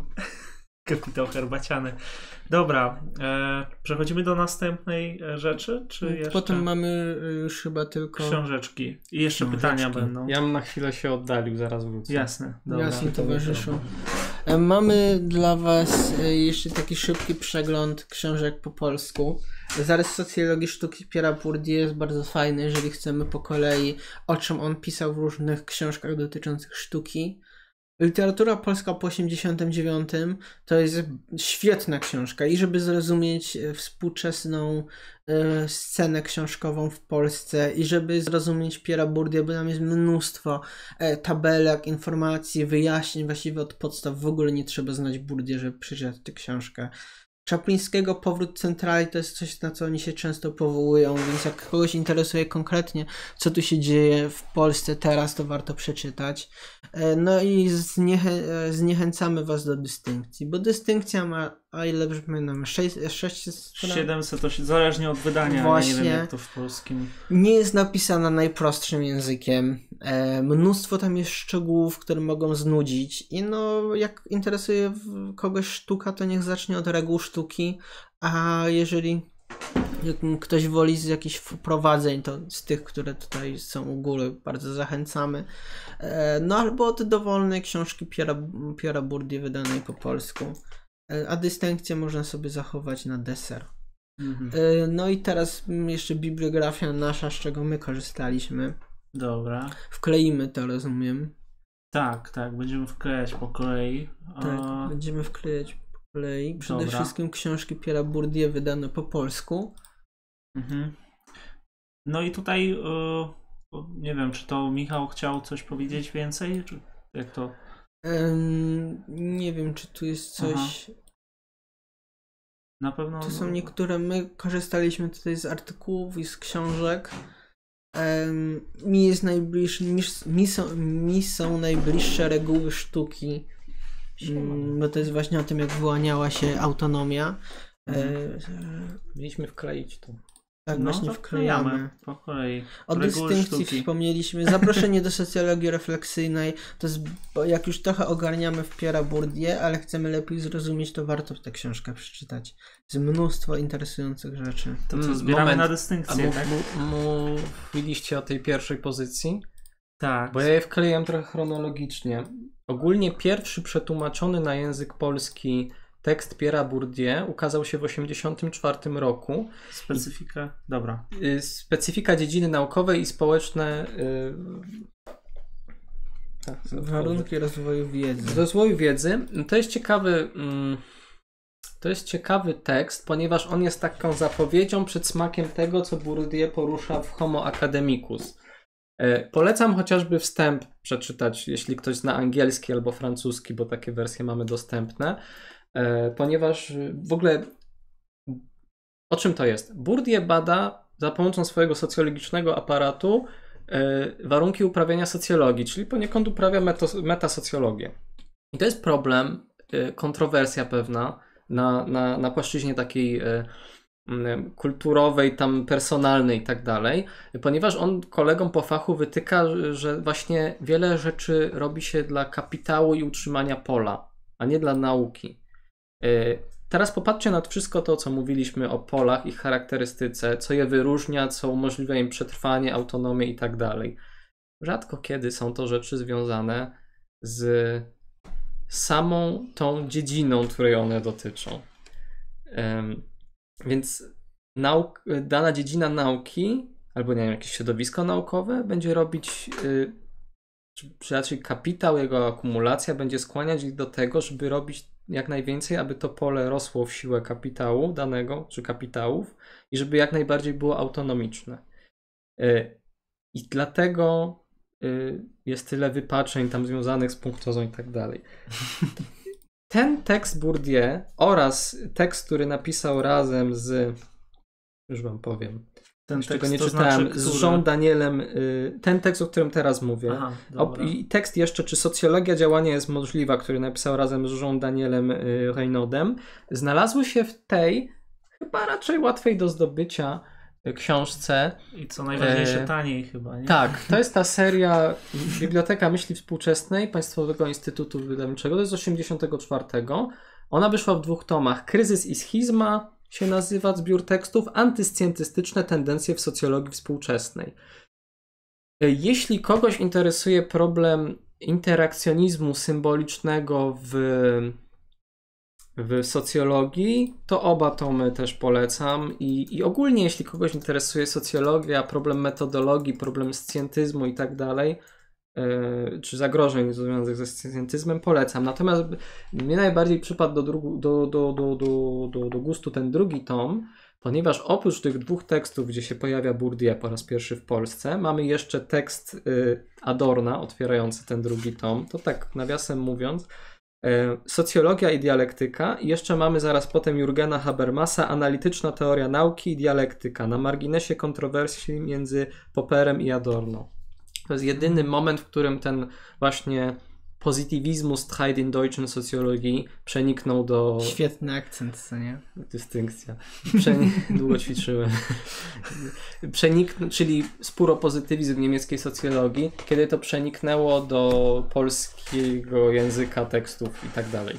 Więc polecam bardzo e, ciekawa rzecz i to jest właśnie pierwsze, co się ukazało. Um... Lektury. Dalej.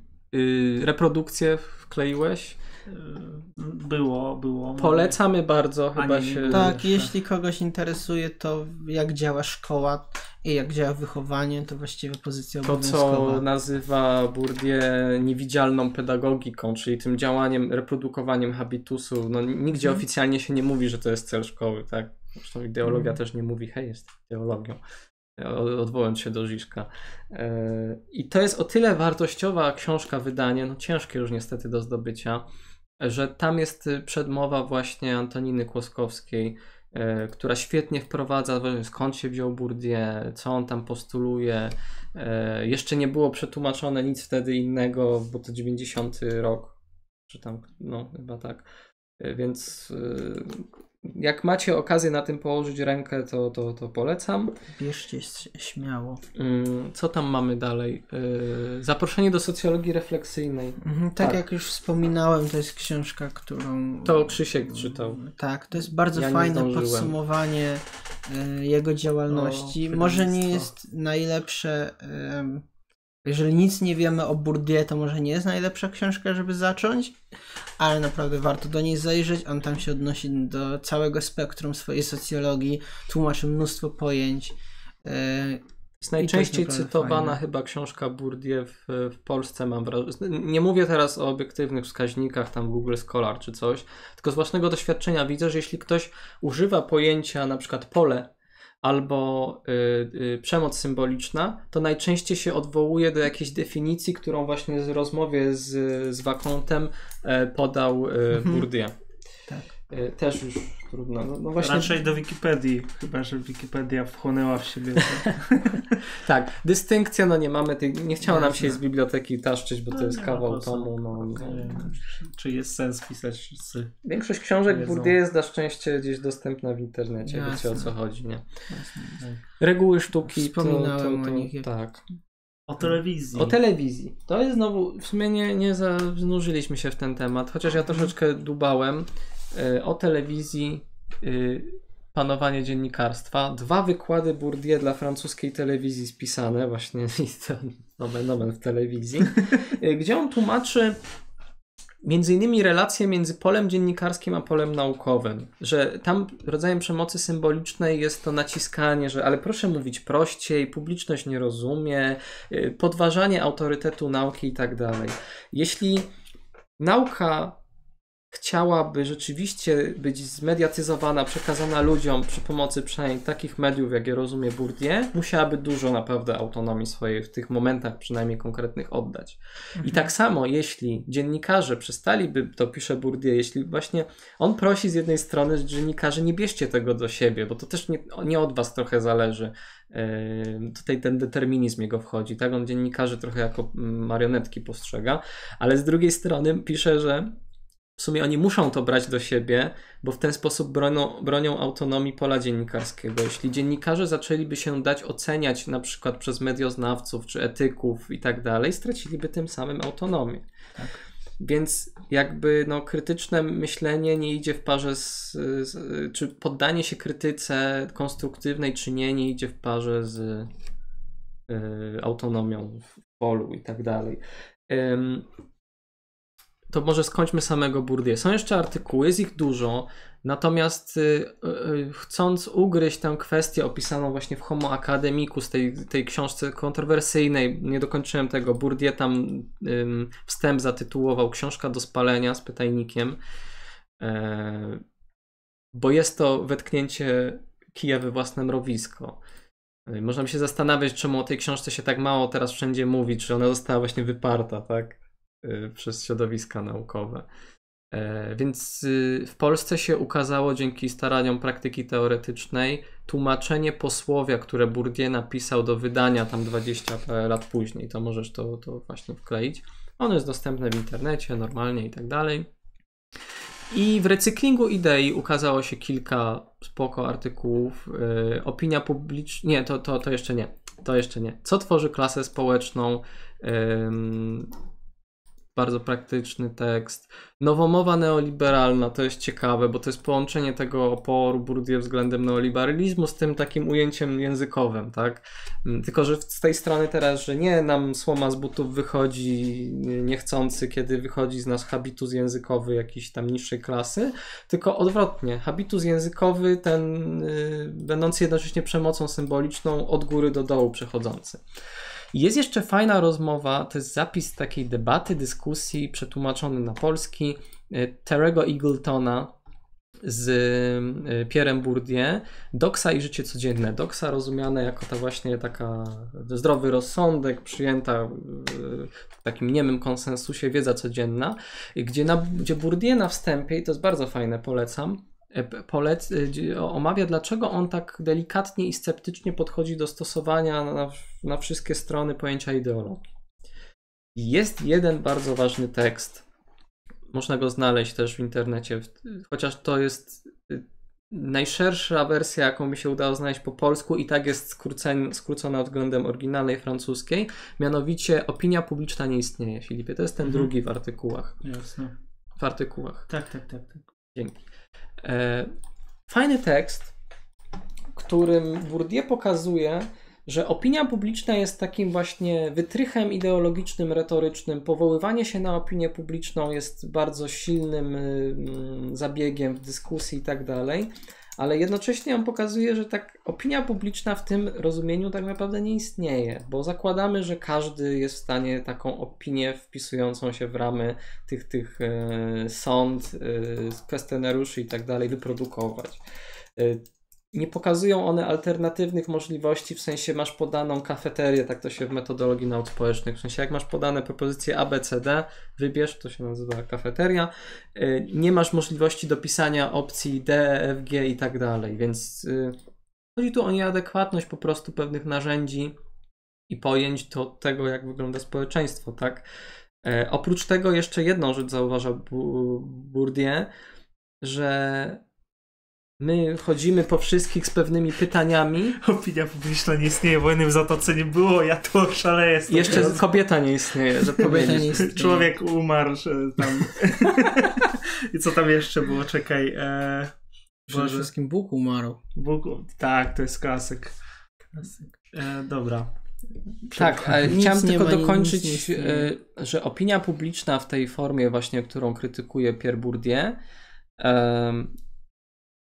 zakłada, że to, z czym wychodzą i badacze, i dziennikarze do, do, do tych, tych respondentów, to jest najważniejsze obiektywnie rzecz prostu To jest pytanie, które warto poruszać obiektywnie rzecz biorąc. Y, Nie jest pytane, nie pyta się w ogóle ludzi, na co oni by chcieli odpowiedzieć, w jakiej kwestii ich głos chcą, żeby był usłyszany i tak dalej, i tak dalej.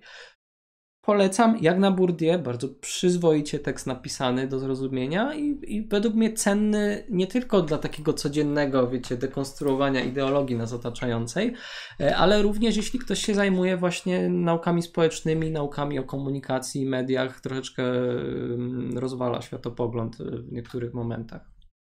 Tyle jeśli chodzi o samego Bourdieu. E, My natomiast jeszcze przygotowaliśmy literaturę sekundarną, e, czyli o Bourdieu, z której sami żeśmy korzystali.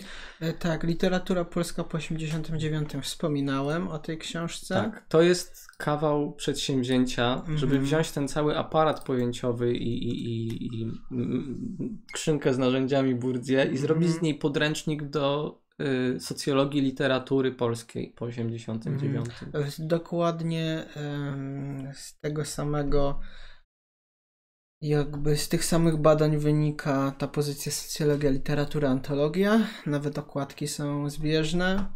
E, Wspominałem też o Matuchniak i. Krasus, e, Matuchniak Krasuskiej, zarys nie, nie, nie, najpierw Jankowicz.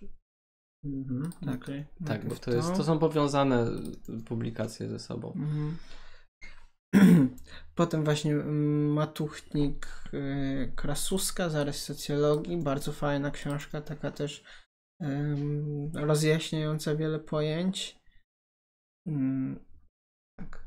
I to po, Socjologia literatury jeszcze. A nie, to było. to było. Było, było. E, Z tą szcząpką. Nie, znaczy ja się powołuję, zapisałem sobie. Ostatnio siedziałem w pracy i kiepski ruch, więc zacząłem w sumie przeglądać książki z podręczniki do socjologii polskie, co one piszą o Bourdieu.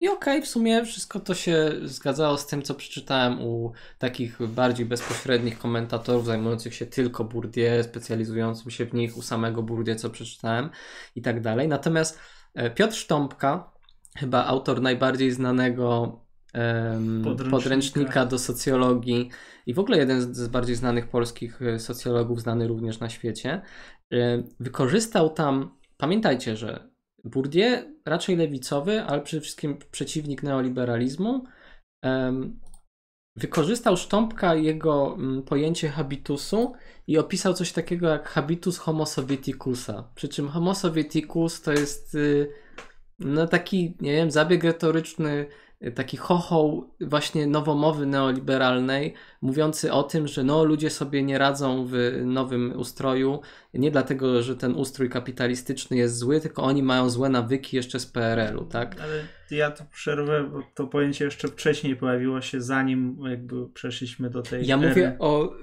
tym, jak ono wybrzmiewa już po Mhm, 89. mhm. Tak, jasne, ono jest Mhm. o, wiele, o wiele starsze. Yy, tutaj, tylko a, nie spisałem, w sensie świetną przeciwwagą dla, dla tego trochę jednak blamarzu profesora Sztąpki yy, jest yy, tekst Moniki Bobako o urasabianiu, konstruowaniu klasowości, coś takiego.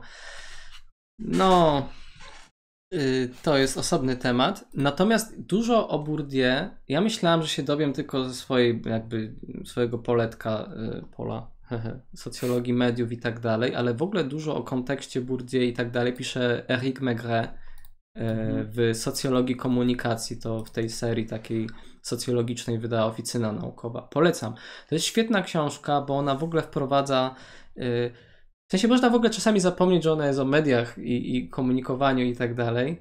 Y, Ona wprowadza na przykład, gdzie się w tym wszystkim w socjologii, w tej refleksji cultural studies i tak dalej plasuje i Adorno, i Szkoła Frankfurska, Stuart Hall i, tam y, Fisk i tak dalej. Właśnie Megre pisze, że Stuart Hall, y, przedstawiciel cultural studies, y, kulturoznawca, również medioznawca y, brytyjski, który, jest, który był zadeklarowanym marksistą, jest poniekąd właśnie taką odpowiedzią na, na, na socjologię Bourdieu, bo on krytykuje ten determinizm w habitusie y, y, siedzący i, i tą jednolitość pola, pokazując, że od dołu grupy społeczne potrafią odpowiadać, buntować się, tworzyć kontrdyskurs i tak dalej. Mm, Tak samo poniekąd krytykami w tej kwestii, jakby ktoś się chciał z tym zapoznać właśnie w tej sferze kulturoznawczej czy medioznawczej są e, David Marley albo John Fisk. Fiska się pisze. Fiska ty kojarzysz dobrze, Mhm. y, Krzysztofie, nie? Bardzo polecam, polecam zrozumieć kulturę popularną. Fiska. Tak, i ogólnie Megre pisze, że y, warto jest dla takiej pewnej trzeźwości y, i krytyczności osądu Bourdieu y, spojrzeć na zwrot ku kategorii w ogóle przestrzeni publicznej i nie patrzeniu na jednostronną reprodukcję, przemoc, narzucanie, tylko jednak pewne miejsca, gdzie zachodzi dialog, przekomarzanie się, czy nawet walka polityczna i tak dalej. No i oczywiście tutaj punktem wyjścia jest Habermas i strukturalne e, przeobrażenia sfery e, publicznej, ale też na przykład niedawna praca Ewy Majewskiej o e, kontrpublicznościach ludowych i feministycznych. No i wspomniany przeze mnie Anthony Giddens, który też na, na polu socjologicznym krytykował Bourdieu, pokazując, że są jednak pewne porażki, jak on to nazywa dosłownie, reprodukcji. I on uważa przynajmniej, że, że takie momenty trzeba śledzić, żeby zrozumieć, że ta, ta reprodukcja nie jest taka wszechmocna i wszechdeterminująca. Dwa przykłady mamy próby zastosowania w praktyce Bourdieu w nauce polskiej i właśnie ta wspomniana literatura polska po 89 to jest jednocześnie podręcznik, ale jednocześnie przykład zastosowania aparatu Bourdieu na poletku naszym polskim i konkretnym y, przedziale historycznym. Ale jeszcze ciekawa praca Bor- Macieja Borkowskiego, ta ostatnia, reportaż z polskiej woj- wojny domowej o gender. I on tam pokazuje, w jaki sposób naukowcy w takim półnaukowym, półpotocznym dyskursie przerzucają się tym tropieniem właśnie genderu. Z jednej strony są ludzie trzymający się trzymający się naukowej definicji, czym jest gender studies i tak dalej, nie rozumiejący tego, że te słowo w potocznym dyskursie inaczej funkcjonuje i tak dalej, i tak dalej. Woli bibliograficznych rzeczy to chyba Ale podałeś wszystko. biografię, tutaj no, Piękne omówienie. ktoś mógłby napisać z tego, wiesz, dwie prace licencjackie, szczególnie na tym poziomie, na którym się pisze, to nawet sześć by wyszło, albo nawet z każdej, wiesz, jak się pisze pracę licencjacką. Mhm. Prosto. Z jednej pracy to jest plagiat, z dwóch prac jak bierzesz to jest zapożyczenie, a jak z trzech to licencjat. Tak. I jeszcze było, były te książki, ale o nich chyba już powiedzieliście. Tak, już o ja wszystkich tylko wspomnieliśmy. chciałem jeszcze... Jak o, z o, czterech, prawie. jak z czterech, to taki ambitniejszy skrypt dla studentów. Dziękuję za... Dzięki. O, O, Nie wiem, super. czy to się wyświetla teraz. No nie tak wszystko. właśnie jak widzisz. No to się nie... Proszę zjechać, tam jest jeszcze twórca grafik. A... No go nie widać. Jezu, Filip, coś ty... Jest! To jest nasz twórca grafik. Anuczek, pozdrawiamy. Pozdrawiamy go. Tak będzie jeździć, tak. Super. Dobra. Chyba to było wszystko, co mieliśmy do powiedzenia mądrego. Się. Teraz będziemy tylko głupoty gadać. Może jeszcze na pytania ostatnie odpowiedzmy. Mhm. Tak, i na pewno odpowiemy na, e, na te rzeczy, które będą w donate'ach. Będzie świeca za donate'a? Świeca? To jest jakieś... Mamy zapalić świeczkę, czy zrobić figurę akrobatyczną? No właśnie. Dobra. A to świeczka, że komuś się coś stało? No Obawiam się, że mogłoby chodzić o coś innego. Klasyczni studenci z UW. Nie, nie UW. Ale kto w? No, że, że wy. Albo my. A to, to nie. To Nie. jest, to jest mocna opozycja między Śląskiem a Warszawą od zawsze. przecież. operował bardzo tą kategorią peryferium, peryferii, Mhm. centrum. My reprezentujemy peryferia totalne. Tak. Uś, Uniwersytet Śląski, Katowice. Tak, tak, tak. Dobra, e, wracamy do komentarzy. Jeszcze zanim zaczęliśmy wysyłać e, tutaj tony bibliografii. E, ktoś z Was ma dystynkcję na półce? Obecnie nie jest do kupienia, nie jest. No i co ci ty z tej całej No. twojej kolekcji, Filip, jak nawet dystynkcji? E, mam lepsze rzeczy. E, Damian Godek-Wocel. Jazda na czerwonym rowerku męska czy kobieca? Zależy jak jesteś ubrany na tym rowerku. To jest nawiązanie do Wolniewicza chyba. Tak. Mm, E, czy bycie monogamistą oznacza bycie społecznie samolubnym? To jest pytanie do etyków, niekoniecznie do socjologów i nie wiem czy do Bourdieu. Mhm. E, Tak, tak. Okej, tak. Gwoli. Klawiatura zwariowała. Patryk Bastek. Dobra, dalej, dalej, dalej. A Damian Godek-Wocjal. Zdystansowanie jest cechą męską czy kobiecą? Albo drugie, włosy wśród metalowców są męskie, wśród raperów niemęskie. Moim zdaniem większość cech jest neutralna, a męskości, e, męskość czy kobiecość nadają im określone grupy. Mogę ja mu odpowiedzieć jedną Możesz, rzecz tak. w ramach intra do twojej Dobra. E, Okej, w takim obiektywnym, metafizycznym wręcz ujęciu wszystkie cechy są Tak. e, wyjęte z kontekstu neutralne. Mhm. Ale my nie funkcjonujemy nigdy poza kontekstem, oprócz Mm. własnej głowy, własnej fantazji. A zresztą nie istnieją takie kategorie, które by były jakieś metafizyczne, zawieszone i teraz mamy długie włosy, w- które łączą jakoś wszystkie światy. Długie włosy w średniowieczu oznaczały mężczyznę, który dużo wie, dlatego wszyscy królowie polscy mają długie włosy na banknotach. Potem oznaczały mężczyznę bardzo zniewieściałego i były typowo wiązane, chociaż nie mm, wbrew pozorom, nie na przykład w XIX wieku czy tym wcześniej, ale po pewnym czasie zaczęły oznaczać też e, osobę, osobę właśnie kobiecą, nie męską. E, W międzyczasie jeszcze doszła kwestia tego, że długie włosy mógł mieć na przykład starzec, mógł mieć osoba specjalnie szanowana, e, albo one się wiązały też z pielęgnacją, no to ktoś e, z wyższej kasty, chłop raczej miał krótkie. No jasne, wśród raperów nie ma, wśród metalowców tak, ale to jest w określonym kontekście. Zwróćmy uwagę skąd się wziął metal. Metal pochodzi od rocka, a rock się wy, mniej więcej wyemancypował w latach 60., a w latach 60. patriarchat się ściął z matriarchatem, męskość z niemęskością. Hipisi częściowo przejęli pewne elementy kulturowe, które były związane z kobiecością, a więc między innymi właśnie długie włosy przeszły do subkultury, z subkultury rockowej przeszły do metalowej, a więc to nie oznacza, że one się tak nagle pojawiły znikąd, że nagle mężczyźni zaczęli nosić długie włosy, bo to jest cool. Nie, nie, nie, to przyszło z hipisów. Hipisi to przejęli właśnie z takiej postawy walki z utrwalonymi schematami. No ich ojcowie byli wszyscy ogoleni na, na, krótko, więc oni musieli mieć długie włosy. Tu doszła kwestia tego właśnie e, bycia kontrkulturą. Oni właśnie mieli te długie włosy, częściowo nawiązując do, e, do jakichś tam korzeni. Te długie włosy potem przeszły do subkultury metalowej. Znowu rapowa częściowo skontestowała e, rockową. Nic nie funkcjonuje poza kontekstem społecznym. Sam to przyznałeś, pisząc, że wszystko zależy od grupy, tak? Od określonej glu- grupy. E, No właśnie, a nie ma człowieka poza grupą. Więc tak jak powiedział przed chwilą Michał, e, nie ma symbolu, e, nie ma takiej sytuacji, w której te długie włosy nic nie oznaczają. I to nie jest kwestia przykładania łatek i przyporządkowywania. Właśnie raczej chodzi o to, że w filozofii od, próbujemy odkrywać te łatki, które ludzie sobie nadają i w jakiś sposób to dekonstruować, czy pokazywać, że takie praktyki mają miejsce. To znaczy, to jest genialnie pokazane w drugiej płci Simone de Beauvoir, jak ym, można wyciągać z rzeczywistości takie elementy, przyglądać się im i zauważać, jakie, e, jakie sposoby myślenia e, stoją za nawet błahymi, e, za zupełnymi błahostkami. E, I tak samo jest z długimi włosami, one zawsze coś oznaczają. Dobrze. E, bardzo taką rozszerzoną odpowiedź dałeś. Dziękuję. E, Łapcie, bardzo. bo Tak, ja nie wiem co, o co chodziło z tym łapcie, ale Może też jakieś- może, może jakiś donate gdzieś tam miał być.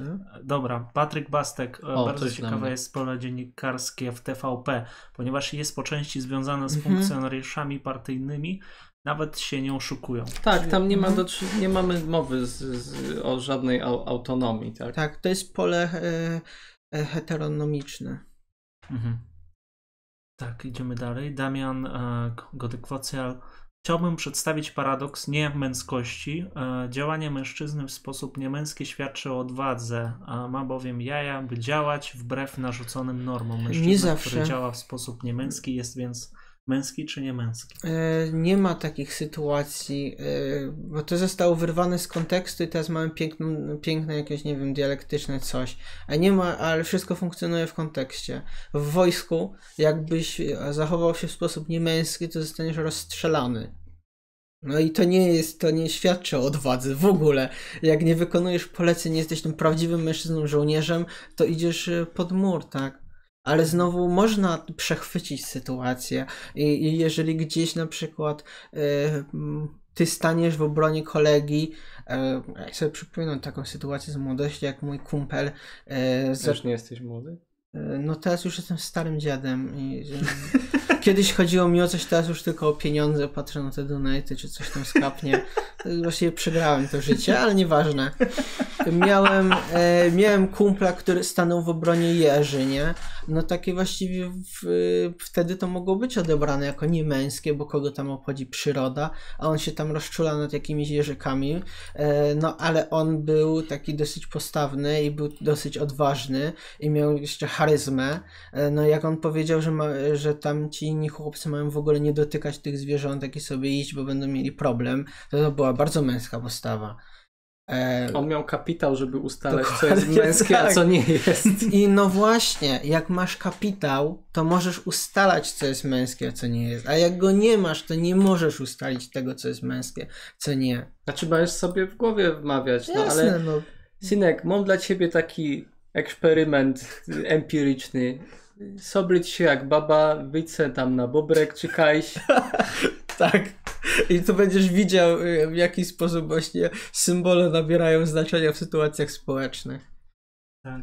Okay. Mam jeszcze Pytanie coś? było o poprawność polityczną, znaczy nie pytanie, to jest takie, no, taki chyba żart, że nie istnieje poprawność polityczna, to zabieg retoryczny. Znaczy nie wie y, do końca, kto ustala tą poprawność i gdzie jest spisany kodeks poprawności politycznej, ale to czuć przy jednostkowych właśnie interakcjach, tak, że Mhm. coś tam chrząknie redaktor w telewizji, że nie no, panie profesorze, nie przesadzajmy może, tak. Mhm. No, poprawność polityczna gdzieś się przejawia, gdzieś sobie fluktuuje między tymi różnymi Tak, pojęciami. e, bibliografię postaram się wkleić. E, pierwszy nos pisze, że dalej długo, że długo gadamy. E, czy donate to tak naprawdę okup za Idasiaka? Free i Dasia. Trochę Ej, tak. może jak im powiemy, że tak, to będą więcej wpłacać. tak, tak. Tak. Pan z lewej widzę mini bryłę. Co? Xenfatio. Będzie świeca za... No nie wiem o co chodzi tutaj.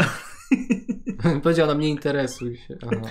Czy ubranie definiuje płeć? No jasne, że nie, ale płeć to jest bardzo złożone. Nie będziemy wam płci tłumaczyć na streamie z Bourdieu, ludzie. Dzisiaj e, się dowiedziałem, jak poprawnie wymawiać nazwisko Bourdieu. E, słyszałem, że też mówi się Bourdieu, czy nie wiem, czy po francusku. Nie no, po nie, francusku się Bourdieu. mówi po prostu tyle. Tak? Tak. Okej, tłumacz mi jakoś inaczej to wymawiam. Możemy to szybko wytłumaczyć, E. ponieważ o U wymawia się w języku francuskim jako U e, i EU końcówkę na końcu wyrazu wymawia się jako E, więc mamy bu, rydy i E. No i koniec. No i wszystko. Nie musimy robić burdie, Możemy sobie po polsku powiedzieć. burdie, albo bourdie, Baudrillard. burbir barba, barbituron. Dobra. E, Ważne, żeby, ja uważam akurat, że ważne, żebyśmy się skomunikowali, więc możecie do mnie mówić Bourdieu, oczywiście złapię się za rękę, żeby was nie poprawić, ale znaczy to, musimy to ustalić na pewno. E, dobra, jeszcze zanim to ustalę, to tam Radek Gładkiewicz napisał, czy jest sens w odniesieniu do współczesnych polskich realiów czytać tego francuskiego dziada? 3, 4. Tak. Tak. On daje nam metodo metodologię, żebyśmy w ogóle mogli te realia jakoś zrozumieć. I sam zachęca chodzi. do przenoszenia jego jakby narzędzi, e, s, Mhm. e, słownika i tak dalej na inne By- pola, czy, znaczy po nie pola, no to w sensie na inne okoliczności czasu i przestrzeni. Jakby clue Bourdieu właśnie jest takie, że my dzięki jego pojęciom możemy sobie wykrystalizować sytuację. Uwaga, Filip Uwaga. Uwaga. Bourdieu, Bourdieu. Bourdieu. Bourdieu, Dieu. Bourdieu. O, Bourdieu. Okej, a... Bill S- Popło. tak, coś tu jeszcze było. Czy pisał coś o płci? No męska dominacja jest do płci. E, streamy z Michałem moje ulubione, długo i, i lewacko. Lewacko. Dziękuję. E, tak. Krzysztofie, bardzo po męsku s- stopujesz me w wodę, jak rasowy samiec. Zapatrzyłeś się. Czyż nie jest to najlepsze zwieńczenie? Dziękuję, mi jest bardzo miło. Co prawda nie wiem, bo to tak trochę nawiązanie do takiej trochę toksycznej męskości, ale ja wezmę to za komplement. Tak, i ostatnia rzecz, która pojawiła się tam kilka razy o Trumpa. e, To, to co tam. To już chyba wspomnieliśmy, Tak. że to jest No wszystko żerność kultury, tak? No, Teraz, żeby być, no, jakby zbudować sobie kapitał, to trzeba, e, trzeba być maksymalnie otwartym na różne narracje. No Trump to, wy... nie wiem, czy on to wykorzystuje tak świadomie, że on chce być dobrym prezydentem, cool guyem, który, który sobie je hamburgera, czy on to tak robi po prostu, bo nie czuje presji żadnej. Ale to jakby nie ma znaczenia, bo on postępuje zgodnie z habitusem swojej klasy społecznej i, i je hamburgera, ale też jak nie chce, to nie je. Jest zupełna wolność wyboru, nie? jasne. No dobra, pytań więcej nie ma. O, o dziwo przeczytaliśmy chyba tyle razy. E, tyle pytań jeszcze chyba nigdy nie czytaliśmy. Dzięki za. Tak. Wydajny stream. Mhm. bardzo dużo pojawiło się. E, czy będzie druga część? Ja wiem. A jest coś do powiedzenia? Wszystko już powiedzieliśmy. no. Cały Bourdieu W sensie my się nie, chyba nie zajmujemy aż tak intensywnie samym Bourdieu, żeby wyciągać z niego poszczególne elementy. I... Tak. A poza tym, po pierwsze chyba nawet, nie znamy się na tyle na Bourdieu. No, aż tak nie. To jest wprowadzenie. Jak chcecie ten, to są bardzo fajne książki w ogóle. Mm, mhm. My możemy o czym innym pogadać. O Jasne. filozofii, ko- anarchistycznej filozofii kolei na przykład. Tak. Ja się będę zajmował filozofią kolei na pewno jeszcze. W swoim życiu nie raz. Tak, no sami widzicie, przyjemny stream. Więcej tego typu streamów, ten gest z jedzenia burgerów. Do, dobra. No, no to dziękujemy za to, że Bardzo komentowaliście, za donaty też przede wszystkim. I dzięki, że nas oglądaliście. Widziałem, było tak od 90 do właśnie teraz chyba jest najmniej 67 osób, to jest bardzo dużo.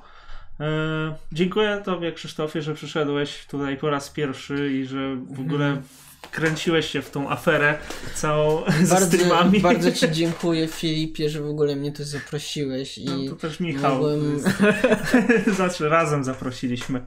tak szczerze, bardzo mi miło w ogóle, że mogłem zaistnieć w świecie FTB. Nie wrzuciłeś nigdy mema na grupkę albo coś?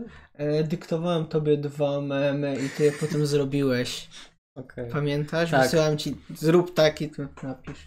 I mieliśmy to takie trochę... Dobra, stream o pociągach. Na Serduszko. pewno. Filozofia pociągu, skoro była filozofia zupki chińskiej. Nie, to może być. Przy czym, ja nie chcę nic mówić, ale nasza filozofia pociągów zajeżdża nawet o Bataja.